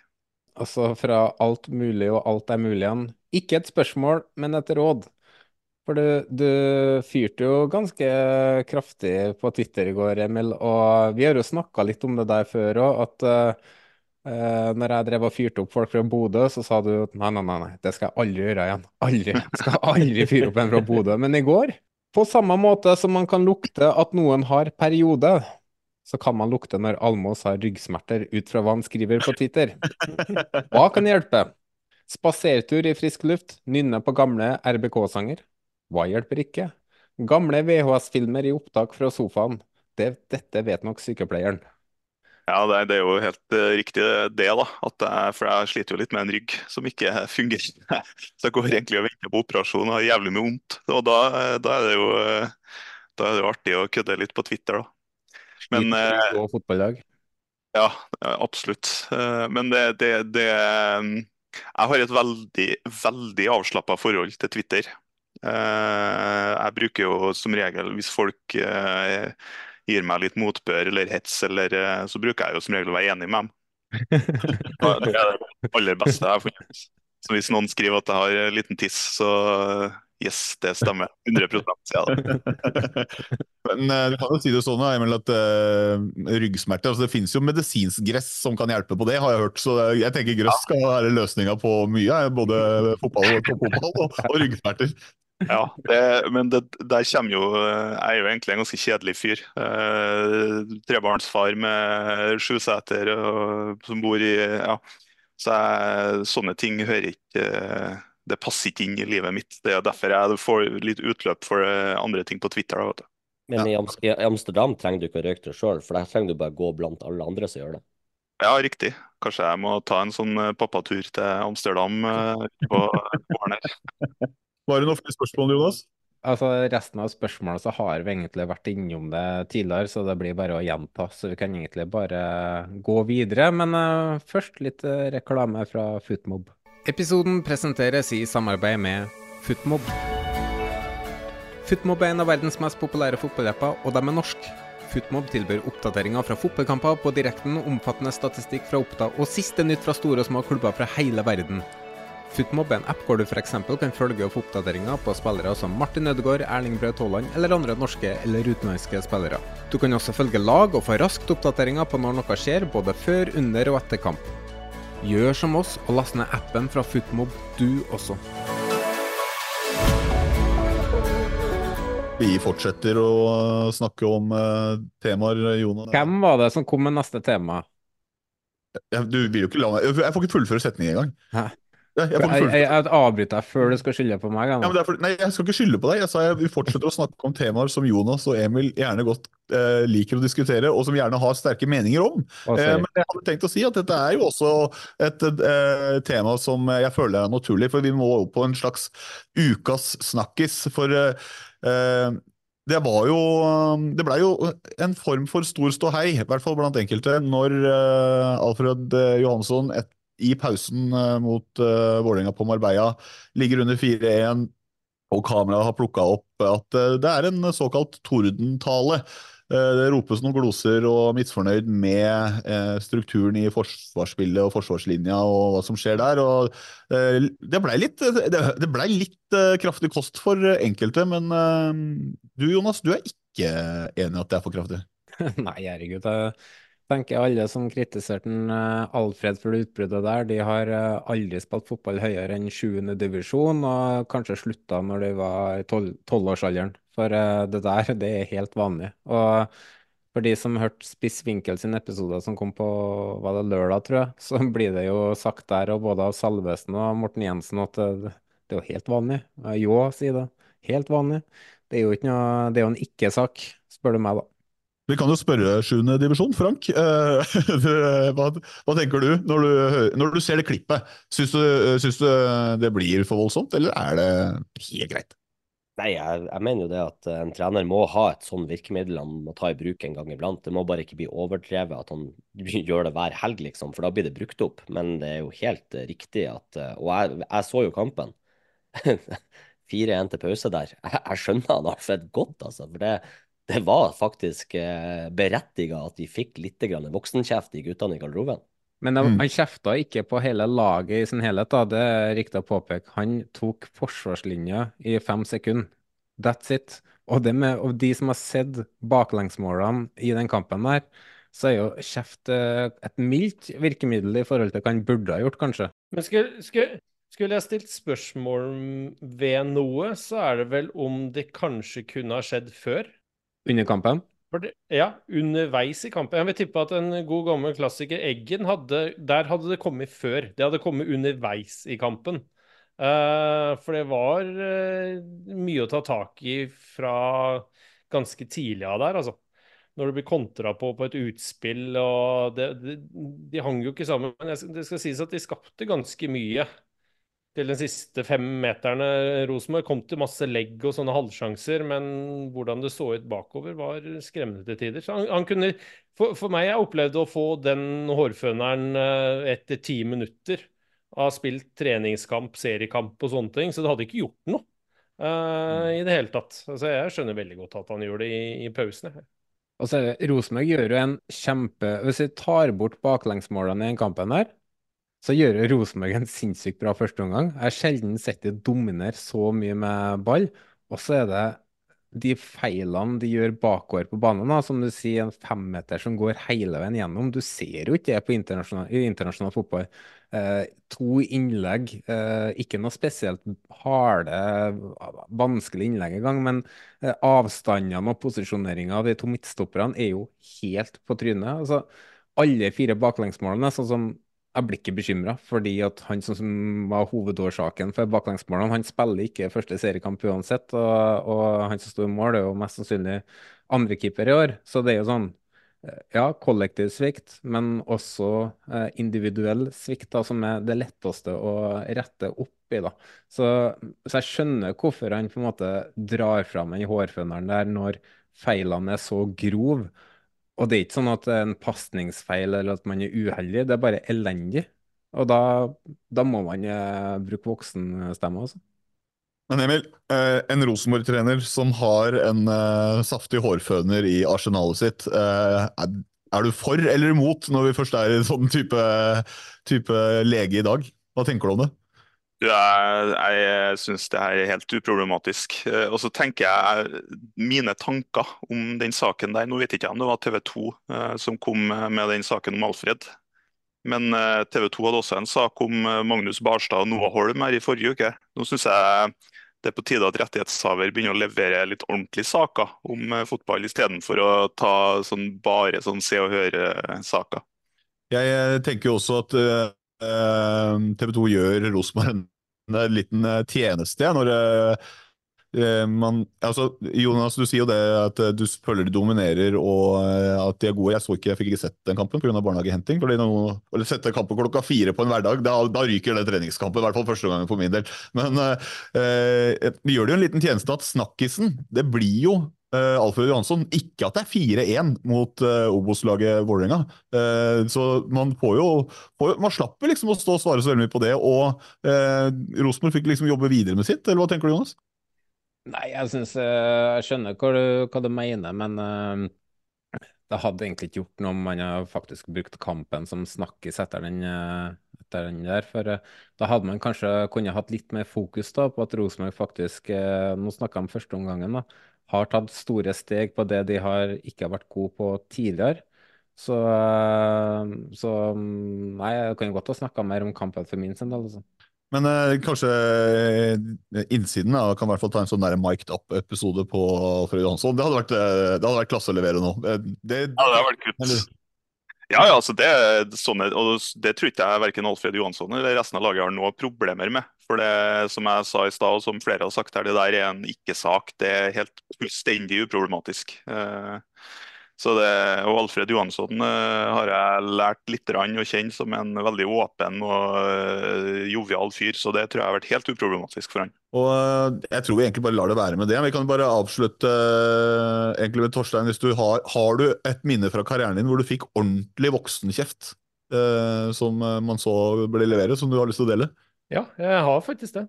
Jeg fikk ordentlig voksenkjeft i garderoben av Simone, som er trener i, eh, i Monaco. Eh, vi var borte og spilte mot Ganga og fikk to utvist. Jeg kom innpå når det sto 4-0 til Ganga.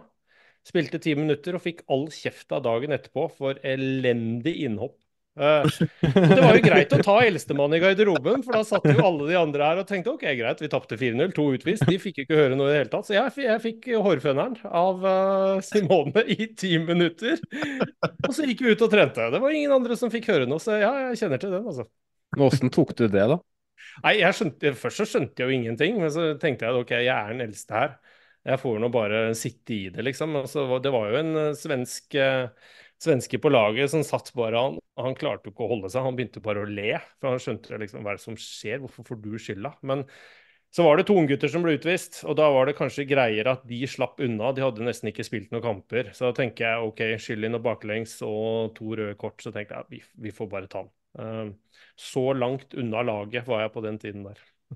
Vi runder av uh, kjefting og smelling-sekvensen uh, for denne gang, og hopper uh, egentlig bare videre til Jeg har en fireåring med øreverk, så jeg hopper gjerne av, sånn at dere slipper skriking i bakgrunnen, og jeg får bidra litt der. Hoppa vi i svingen, det går bra? For nå skal... Det er litt seint for det. Det er litt seint for det. Fire år for sent. Men OK, takk for meg. Jo, takk for besøket, og lykke til med fireåringen. I'm just a, a God's gift for this uh, planet. Det er helt utrolig at Edvards dømmer offside situasjonen! Da stakk eh, Da, da, vi, da ble kvitt begge gjestene òg. Det er jo, ta det som et hint, da. Eh, det er så trivelig at det er ingen som uh, står løpet ut, men da blir det oss igjen. Og nå stakk søde meg Jonas òg, så det, uh, det, går bra nå. Halvparten som starta her, er borte. Men uh, vi må se litt på, på de som faktisk har spilt obligatoriske kamper, for det er ikke så mange av lagene som har gjort det nå. Det går mye treningskamper og kjefting og smelling på Marbella, men to lag var i auksjon eh, i eh, Europacupen, Conference League, og det gikk jo ikke helt veien for ditt kjære Glimt, Frank. Men du, ja, du, du tar med deg at det, det, det, var, det var et ærlig forsøk? Eh, det var mer enn et ærlig forsøk òg. Nesten som man kan eh, beskrive det som et ran for Glimt. Eh, rett og slett rundspilte Ajax. Det var skikkelig bittert egentlig å ikke gå videre her. Men jeg sitter jo egentlig igjen og er stolt av laget, laget mitt nå og tenker at nå får vi kjøre på med preseason frem til sesongstart. Guttene er sultne. Laget ser jævlig bra ut. så jeg tror det er mange eliteserielag som har sett det Glimt har levert mot Ajax nå over to kamper, og tenker at fy faen, de blir gode i år. Så mm. det er det jeg tar med meg.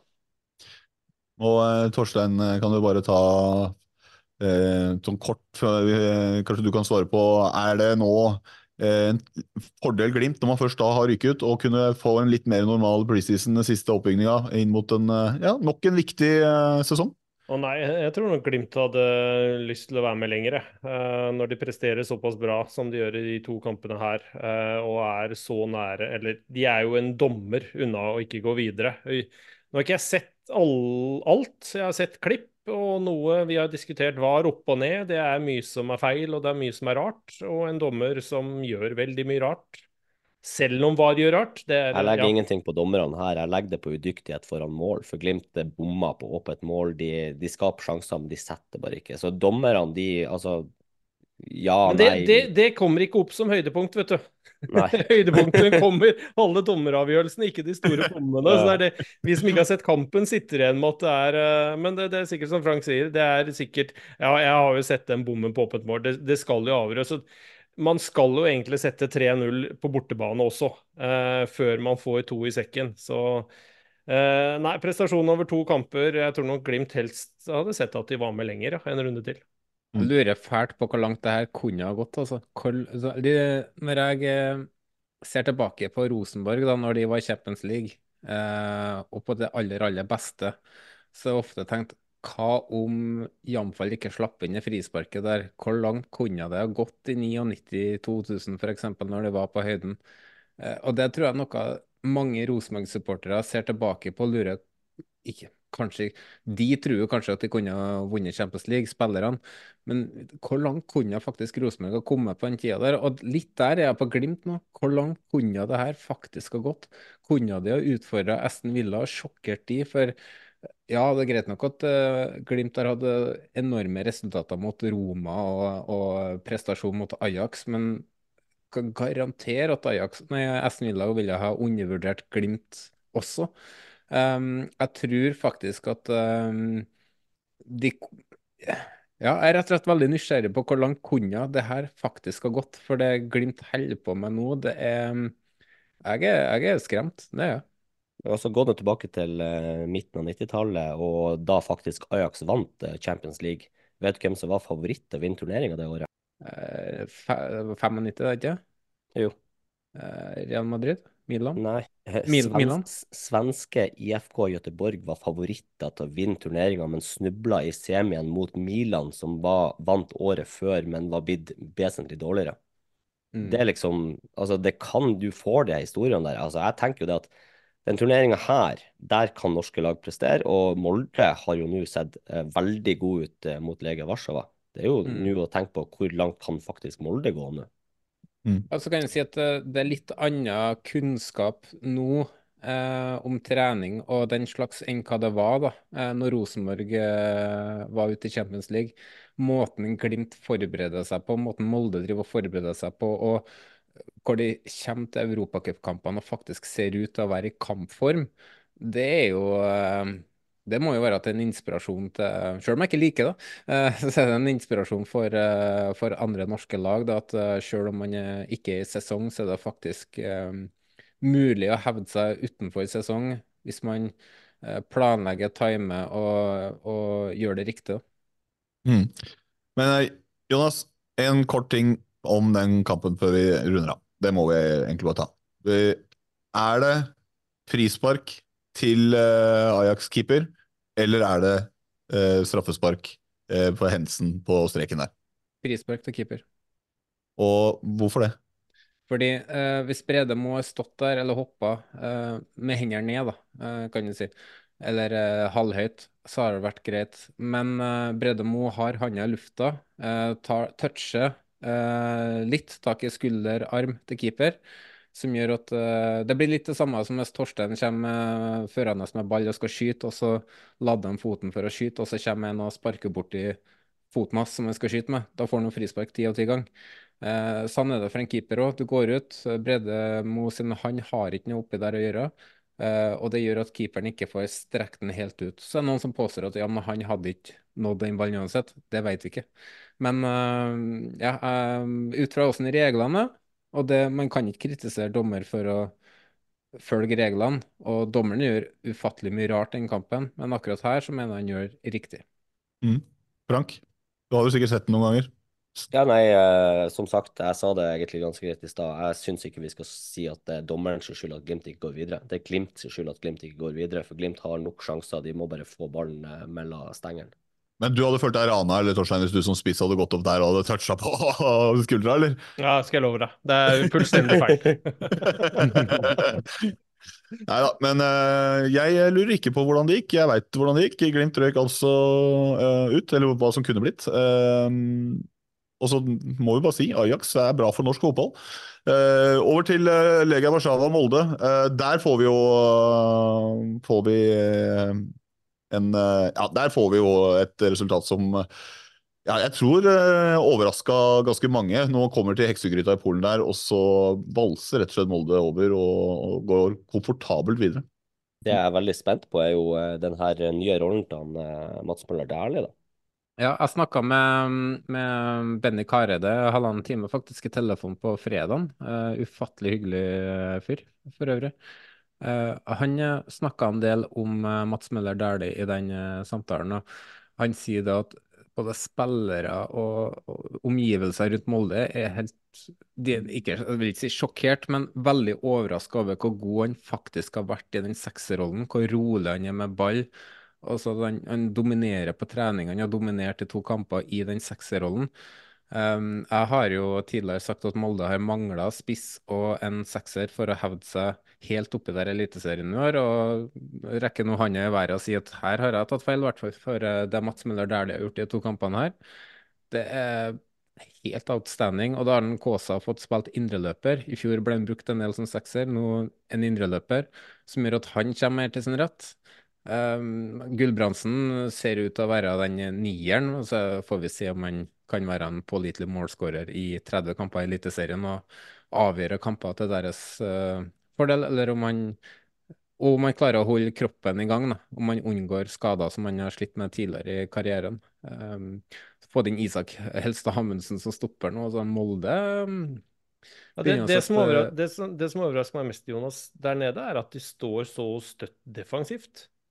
De var ja. shaky i andre omgang på hjemmebane. Det var de. Da ble de kjørt ordentlig av Legia. Men der nede så sto de støtt i 90 minutter, altså. Ja, og det, og det er jo det Molde var god på for to år siden, som de ikke fikk det i fjor, egentlig. Mm. Og så med Helstad Amundsen inn nå, så vil jeg ha enda en bauta bakke der som har eh, gjort det bra i Europa tidligere òg. Så det Molde holder på med nå, det begynner å se bra ut for deres sin, uh, sin del. Og så sier jo Roar Stokke at det er en av de største prestasjonene på bortebane i Europa. Og det er jo uh, litt historieløst da, av en trønder å si jo i tillegg. Men uh, det er absolutt helt oppi der. Det er det jo. Det kan jo kanskje ikke måle seg med seier borte mot Dortmund og Milan og sånn, men det, det de gjør Og så er det jo bare skal ikke si bare Legia, men de måten de gjør det på bort mot Lega, det at de spiller sitt spill, eh, rett og slett kjører over de, og så i tillegg er bunnsolid bakover, det er bare å ta av seg hatten for, altså. Det er jo ekstremt imponerende egentlig av både Glimt og Molde, som er midt i oppkjøring til sesong, møter lag som er i sesong og som har et helt annet eh, grunnlag og utgangspunkt. Og så, Det er som du sier, Frank, eh, det hadde ikke vært så veldig mye å si på hvis Glimt faktisk avgjorde dette helt uh, sjæl, uavhengig av dommeravgjørelser og gått videre. Det man ser på statistikken der, så hadde det kanskje vært det som hadde skjedd 99 av 100 ganger i en sånn type eh, møte over to kamper. Og Molde som eh, valser over Legia Warszawa, egentlig hjemme for det meste, for de roter det litt til og gir de en lifeline, og så bare rister de av seg det og går ut og, og, og rundspiller de eh, på, i heksegryta der. Eh, det altså, jeg håper jo ikke det, det skjer. Hadde det vært skisport, så hadde jeg jubla, for da hadde jeg tenkt at nå har de formtoppen for tidlig. ja, det kan du på mange måter si, men altså det, jeg håper jo på en måte ikke dette her. Jeg sitter ikke og holder med verken Glimt eller Molde, men jeg, jeg, jeg, kan jo ikke annet enn å la meg imponere. og det er som jeg sier, Nå skal ikke mitt lag spille mot disse lagene i år, men hadde jeg vært Rosenborg eller Viking eller Tromsø eller Brann, så hadde jeg tenkt at å faen, de kommer til å være med, være med i år. De eh, ser ut som at de er i rute, og de har eh, begge begge farlige hensikter, og det, det, er det ingen tvil om. Får vi se hvor bra det er for norsk fotball da, hvis Molde og Glimt stikker fra i år nå, da. Ja, det er sikkert bra for norsk fotball, det. Det er, det er litt sånn som denne podden. Bra for norsk fotball. Det er det vi De, de, de stikker ikke av. Brannby og henger med. Mm, ja, ja. Vi får nå se på det. Men eh, det, vi gir ikke ta noe mer i Europacup. Det er eh, for spesielt interesserte. Eh, Det er sånn det er. Det er sånn et lite segment som vi må ha med for de 10-20 lytterne Om. Om tre år så skal vi bli en ren europacuppod, bare vent. Ja, da, da blir det conference-podden, da. Så det vi må gjøre, er at vi må se litt grann på rykter, overganger på enkelte lag. Jeg tenker egentlig, Det var jo en TV 2-sak om sportssjefer og dyrt å kjøpe spillere. Det kan vi egentlig bare ta og se om vi får, uh, får plass til i dette her. Uh, Men vi må se litt på noen lag som vi kanskje ikke har snakka så mye om på overgangsfronten. Vi har snakka om dem på andre måter. Uh, Og der, Jonas, hvem er det vi må nevne nå som har litt, skjedd litt lite, som vi rett og slett må snakke litt om? Jeg kan begynne med Odd, da. Eh, De har vi egentlig kanskje ikke snakka om i det hele tatt i år. Vi har venta litt og sett hvordan det har blitt med Kenneth Dokken inn som eh, trener.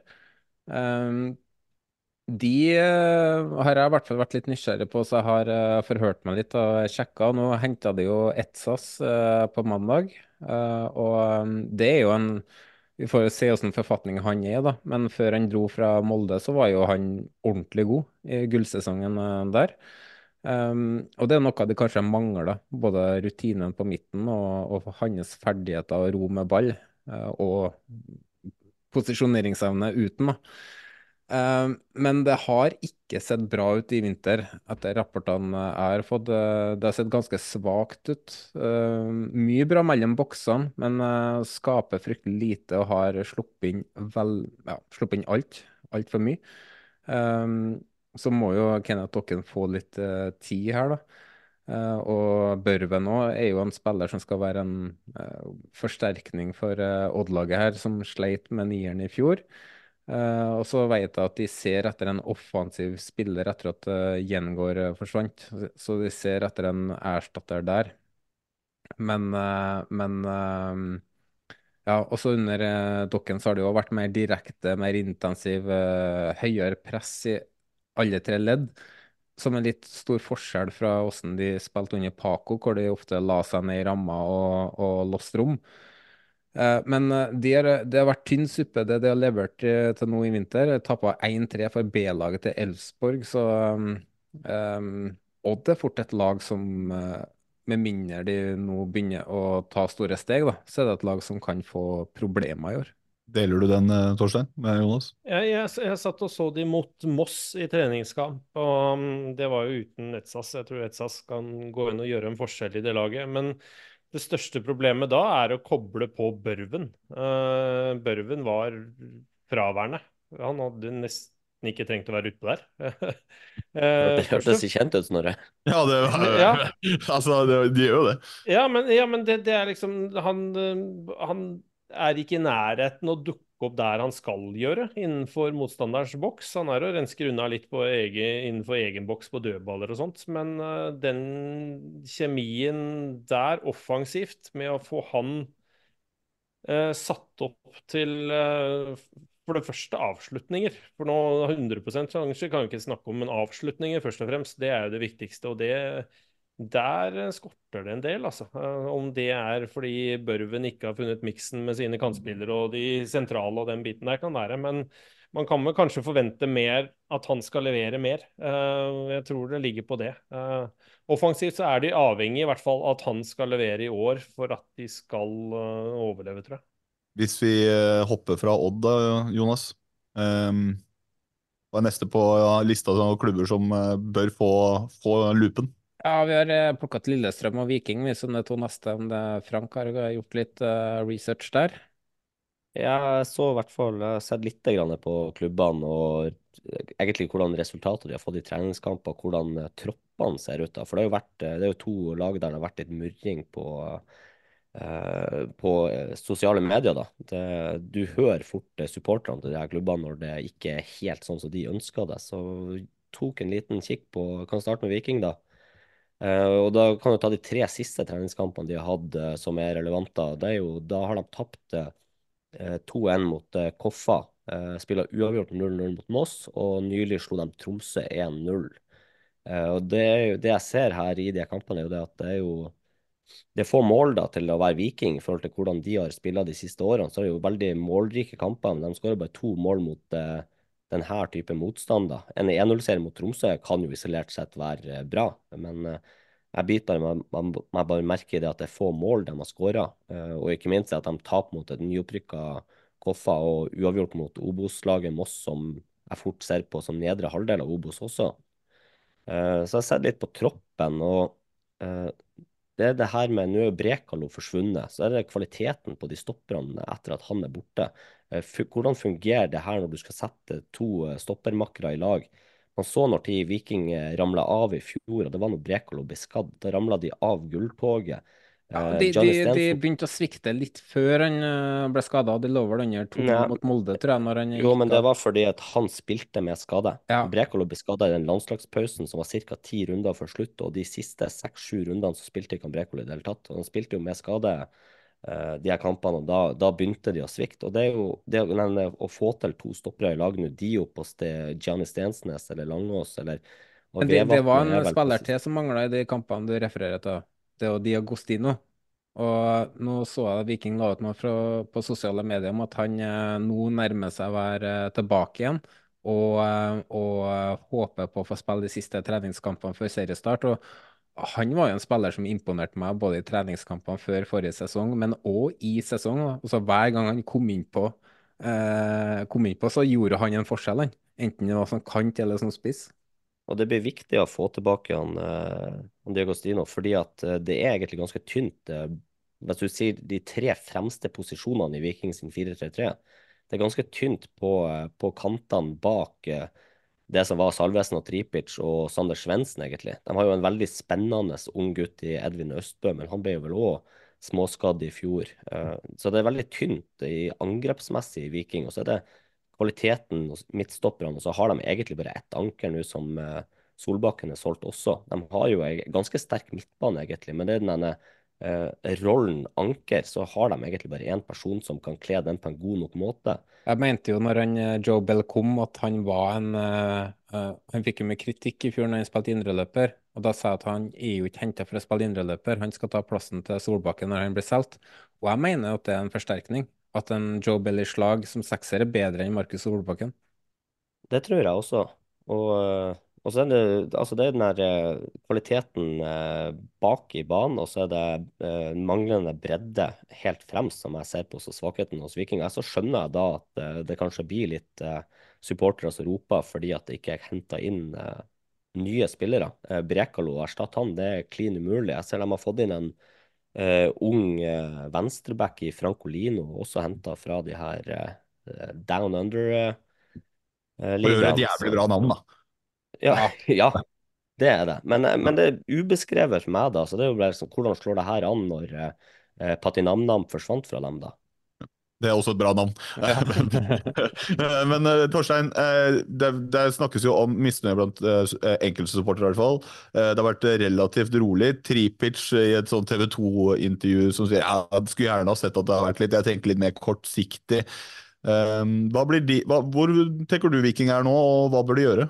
Jeg tror de er litt sånn usikre. Det er veldig stille rundt Nevland. Nevland har, uh, slipper godt unna og går stille i gangene. Kanskje han driver og tryller på sin egen måte, som mange andre sportsdirektører prøver, da. Med å hente gull som ingen andre har hørt om. Men uh, nei, Frank sier mye, mye fornuftig her. Det er, det er mye som må ta tak i begge ender av banen. Så er det for så vidt sterkt å slå Tromsø 1-0. Det skal man ikke kimse av. Men det var ikke all verdens mot Moss, og heller ikke mot et godt sånn til tider spillende Koffa. Så ja, det er en viktige posisjoner som må fylles. Altså, jeg tror Bell kan ta Solbakken sin, og så er det spennende å se hvem som kommer inn som stopper på bak der. Jeg tror fortsatt at elveren til Viking er god nok. Ja, da. Eh, det, kanskje burde de ha fått inn noe som krydrer det litt eh, mer. Eh, men selve elveren, hvis de unngår skade, så tror jeg vikinglaget kan hevde seg bra i sesongen som kommer. Det er det, hvis de rett og slett går på noen eh, smeller. Men samtidig så har jo de har jo bra kontinuitet i, på trenersida nå og i stallen sin. Uh, og på den måten så har de relasjonene inn, uh, kan jobbe videre med det de var gode på i fjor, og bli bedre på det de var dårlige på. Så det er jo ikke så svart heller. Men så spørs det jo igjen hva er målsettinga til Viking? Skal de kjempe om gullet, så er det klart at det der, den troppen holder jo ikke mål. Men eh, de bør jo heller ikke ha noe mål om å ta gull, spør du meg, men heller eh, eh, prøve å være en outsider til tredjeplassen, da. Eh, som jeg òg tror kan bli vanskelig per dags dato. Men en, en, faktor til som spiller litt imot Viking, er jo det at en klubb der det virker som at spillere lager unødvendig støy. Uh, Nå er jo den her med han Tripic blitt litt sånn uh, avfeida, men hadde jo også en situasjon med Patrick Gunnarsson som visstnok ville bort osv. Og, så og det at det kommer sånne her saker egentlig med, med jevne mellomrom fra Viking, uh, hjelper jo ikke dem for å ha fokus på det de skal ha fokus på, da. Jeg syns det er litt synd på Erik Nevland nå, fordi at han han gjør jo et fantastisk vindu i januar i fjor. Eller januar er vintervinduet. Eh, en av overgangsvinnerne, spør du meg, når vi ser på hvordan spillerne har prestert til etterkant. Eh, de gutser i sommer, bruker penger på som en måte de ikke hadde budsjettert med for å ta det gullet. Eh, feiler, men igjen riktig å gjøre. Eh, så det er jo ikke sånn at når Viking selger for 50 millioner i overgangsvinduet her, så får de 50 millioner å bruke, for de må jo på en måte kompensere litt det de satsa for i sommer òg. Så de, de, har kanskje ikke mer enn 20 millioner bruk på spillere, uten at jeg vet det. Og så jeg vet jo hvordan prisene som Snorre var inne på innledninga her, med Uh, for å kjøpe en norsk spiller, da, så koster det jo. Og så Torstein nevnte siste episode at skal man kjøpe for å kjøpe, eller skal man være sikker? Og det er jo ikke sånn at Nevland ikke har prøvd å hente spillere. Han har jo prøvd på han høyrebacken som Brann henta, han har prøvd på han Ørjasæter som eh, valgte Sarpsborg. Så han har jo vært på jobb, og de spillerne han har prøvd å hente, har jo vært attraktive spillere som har valgt noe annet. Så, ja, så da er spørsmålet hvorfor har de valgt noe annet, da? Hvorfor var gresset grønnere på den andre sida enn hva i Stavanger? Det kan være lovnader om spilletid. Det kan være at det er hardere konkurranse i Viking eh, på de plassene. Det kan være lønn. Det, det er mye det kan være. Men uh, hadde jeg vært spiller, så hadde jo Viking vært en attraktiv klubb å spille for.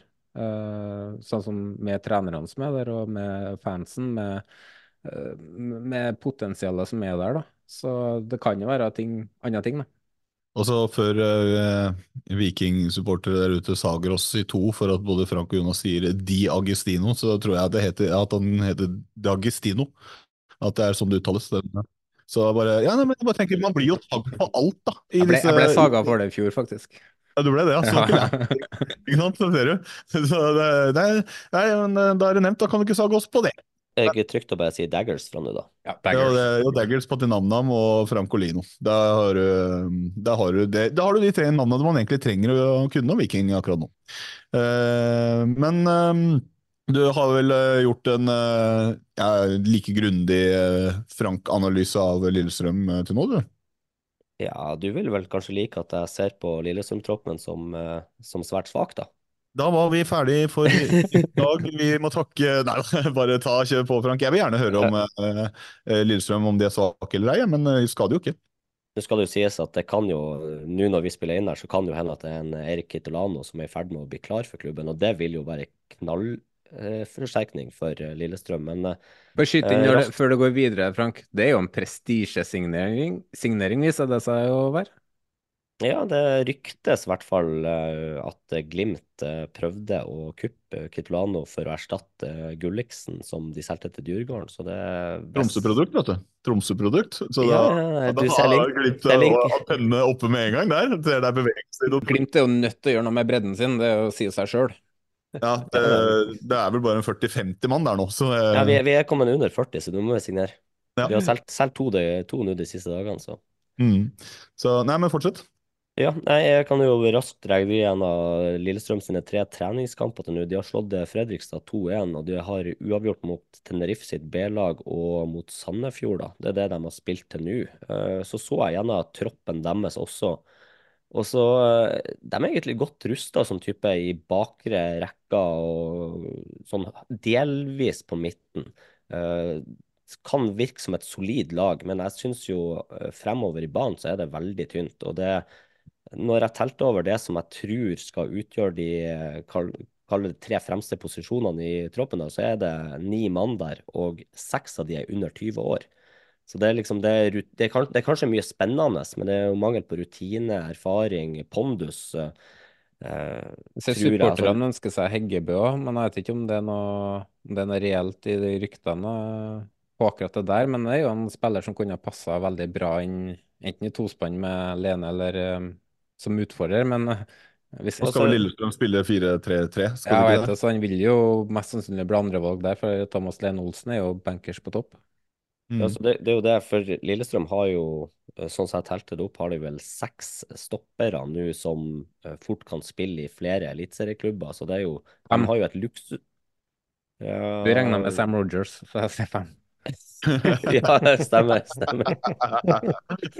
ja, de har, eh, de har fem stoppere og ei kjegle, med andre ord. Så, så, der har de jo faktisk eh, egentlig altfor god bredde, da, hvis de skal gå ned til å spille med to stoppere i stedet for tre. Eh, ja. Eh, ellers så føler jeg at eh, Lillestrøm-laget mangler pondus og eh, dybde i troppen eh, fremover, i hvert fall. Så de, jeg tror de er godt rusta bak. Er Frank fornuftig for en gangs skyld? Er det derfor du blir så stille, Torstein? Eller er det, er det Nei, men jeg ser jo det, det kan jo fort ende opp, hvis man holder seg skadefri med Erling Knutson og Mattis Bolli og Thomas Lene Olsen på topp. Uh, Aasma blir han kant eller indreløper? Ja, det, jeg vil tippe at han blir indreløper hvis du ser på Hvis du får de andre skadefri. Uh, jeg vil tippe at Erling er hentet tilbake som en offensiv uh, bidragsyter, ettersom de er såpass godt rusta bakover. og Gjermund blir en indreløper, og at Men Mattis veit jo Aldri. Eh, hvis han holder seg skadefri, så er jo en som kan bidra mye. Men eh, det er jo store spørsmålstegn eh, bak. Da har du i hvert fall hurtige kanter. Og så har du kanskje litt mer støtte for Lene Olsen, som trenger det. Og så har du, hvis du har både Gjermund og Kitolano som indreløpere, så er jo det Offensivt så kan jo det se bra ut, hvis man tar den rutinerte gjengen der, da. Men så er det mye ungt bak. Du tenker jo Vebjørn Hoff som sekser, Kitolano og Gjermund ja. Aasen. Det høres ut som en god midtbanetrio, egentlig? Ja, det, det, gjør jo det, ikke sant. Men jeg vil vel tippe at det sikkert er noen unggutter der også som har fått skryt. De har jo signert henta jo en ung svenske på 20 år som skal ja. utfordre i den sekserrollen, så det er jo spennende å se hvordan, eh, hvordan han blir å gjøre det. Ikke sant? Og en afrikansk ung gutt også som uh, har kommet. Som, uh, det er sikkert noen av dem som kommer til å slåss seg inn på det laget der etter hvert. Uh, man er vel litt avhengig av at de el den eldre garden holder seg skadefri, vil jeg tro. Hvor sannsynlig er det at du får se en sånn skadefri trio med Bolly Knutsen, Lene Olsen i en sted mellom 25 og 30 kamper? Hva tenker du om det? Den er lav. ja, den er lav. det er kanskje greit å få inn noe frist som kan komme inn og prøve å fylle. Hvor gammel er Knutson blitt, da? Nei, men Erling, Erling, er, Erling, holder seg bra. Han fikk jo den skaden i Europa, var det ikke det? Det med hodet i uh, hodet som satt han uh, en del tilbake i fjor. Uh, men Erling er jo gjennomtrent de luxe. Så hvis han klarer å holde seg unna strekkene Eh, å holde den eksplosive muskulaturen i gang, så kan det være en kantspiller som kan eh, bidra mye for Lillestrøm. Altså. Knutsen mm. blir vel 36 i år.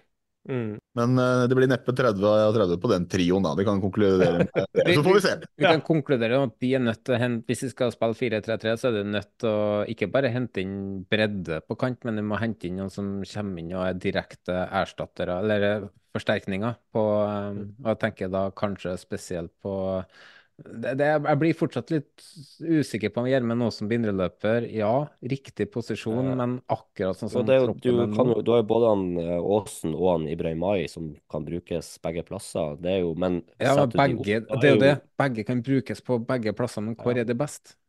Ja, også, men setter du de opp, så blir plutselig midtbanen veldig svak. Ja, det er akkurat det. Men jeg tror en av de, sånn som troppen er per dags dato, så blir en av de ute på sida. Det er jeg ganske sikker på. Uh, I hvert fall hvis han Kitolano blir signert nå.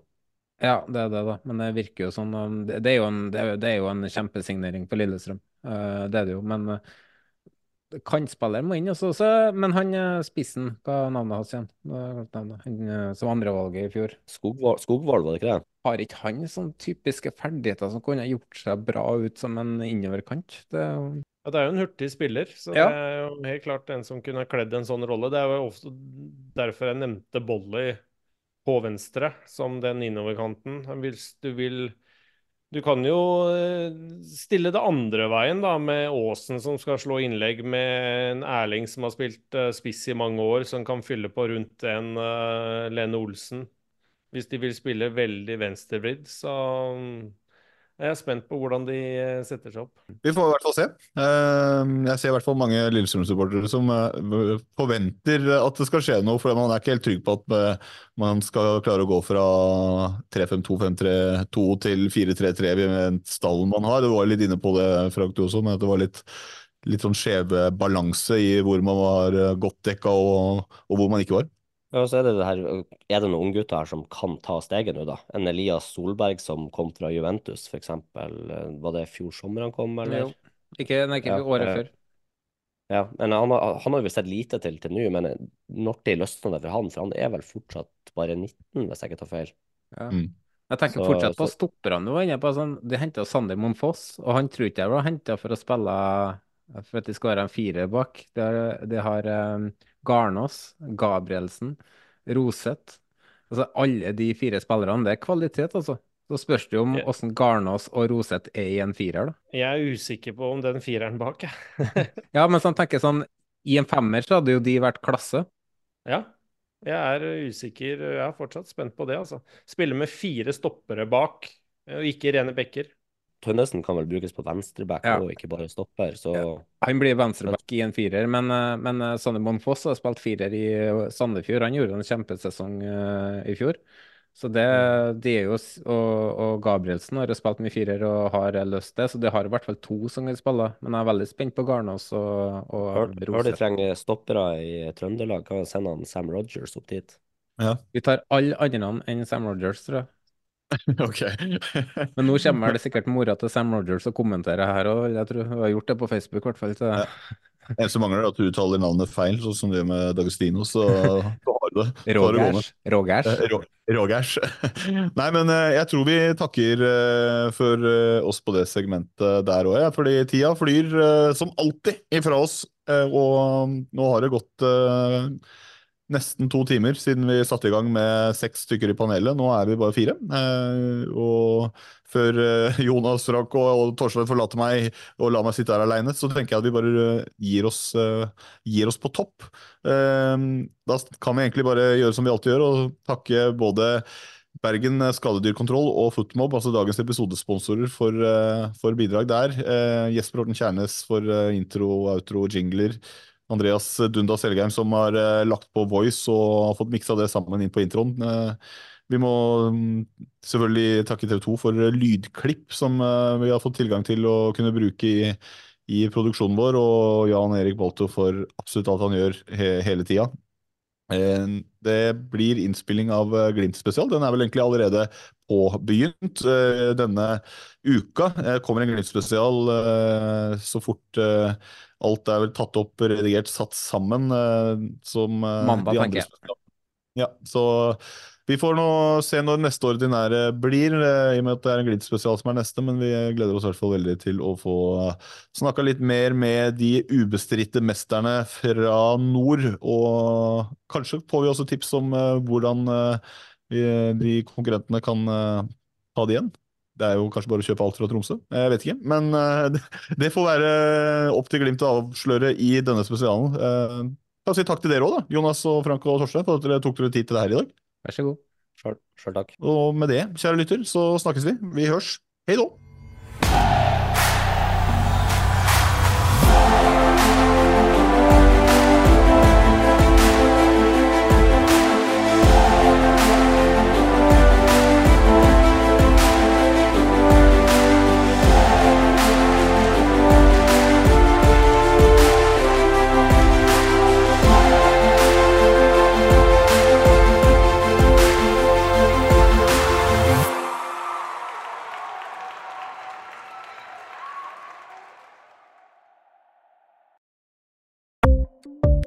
Ukens annonsør er HelloFresh. HelloFresh er verdens ledende matkasseleverandør og kan være redningen i en travel hverdag. Mange av oss har nok vandret i butikken både sultne og uten en plan for middagen, som ender med at vi går for de samme kjedelige rettene gang på gang. Middag burde være dagens høydepunkt. Som Hello Fresh kan du nå velge mellom 25 ulike retter hver eneste uke, eller få Hello Fresh til å sette sammen menyen for deg. Dette gir deg muligheten til å prøve nye og spennende retter alene eller sammen med familien. Du velger antall porsjoner og får alt levert på døren på et tidspunkt som passer for deg. Oppskriftene er enkle, og maten er lett å lage både for store og for små. Ved å få alt levert hjem får du også mer tid til å dele matgleden med familie og venner. Kanskje det frister med asiatiske tacos eller greskinspirert kylling? Da kan jeg anbefale deg om å gå inn på hellofresh.no. Her kan du bruke koden FOTBALL og få opptil 1779 kroner i rabatt på de første fem matkastene hvis du ikke har prøvd Hello Fresh tidligere. Du kan også bruke rabatten hvis du har vært kunde og stoppet abonnementet ditt for tolv måneder siden eller lengre. Gå inn på hellofresh.no og bruk koden FOTBALL.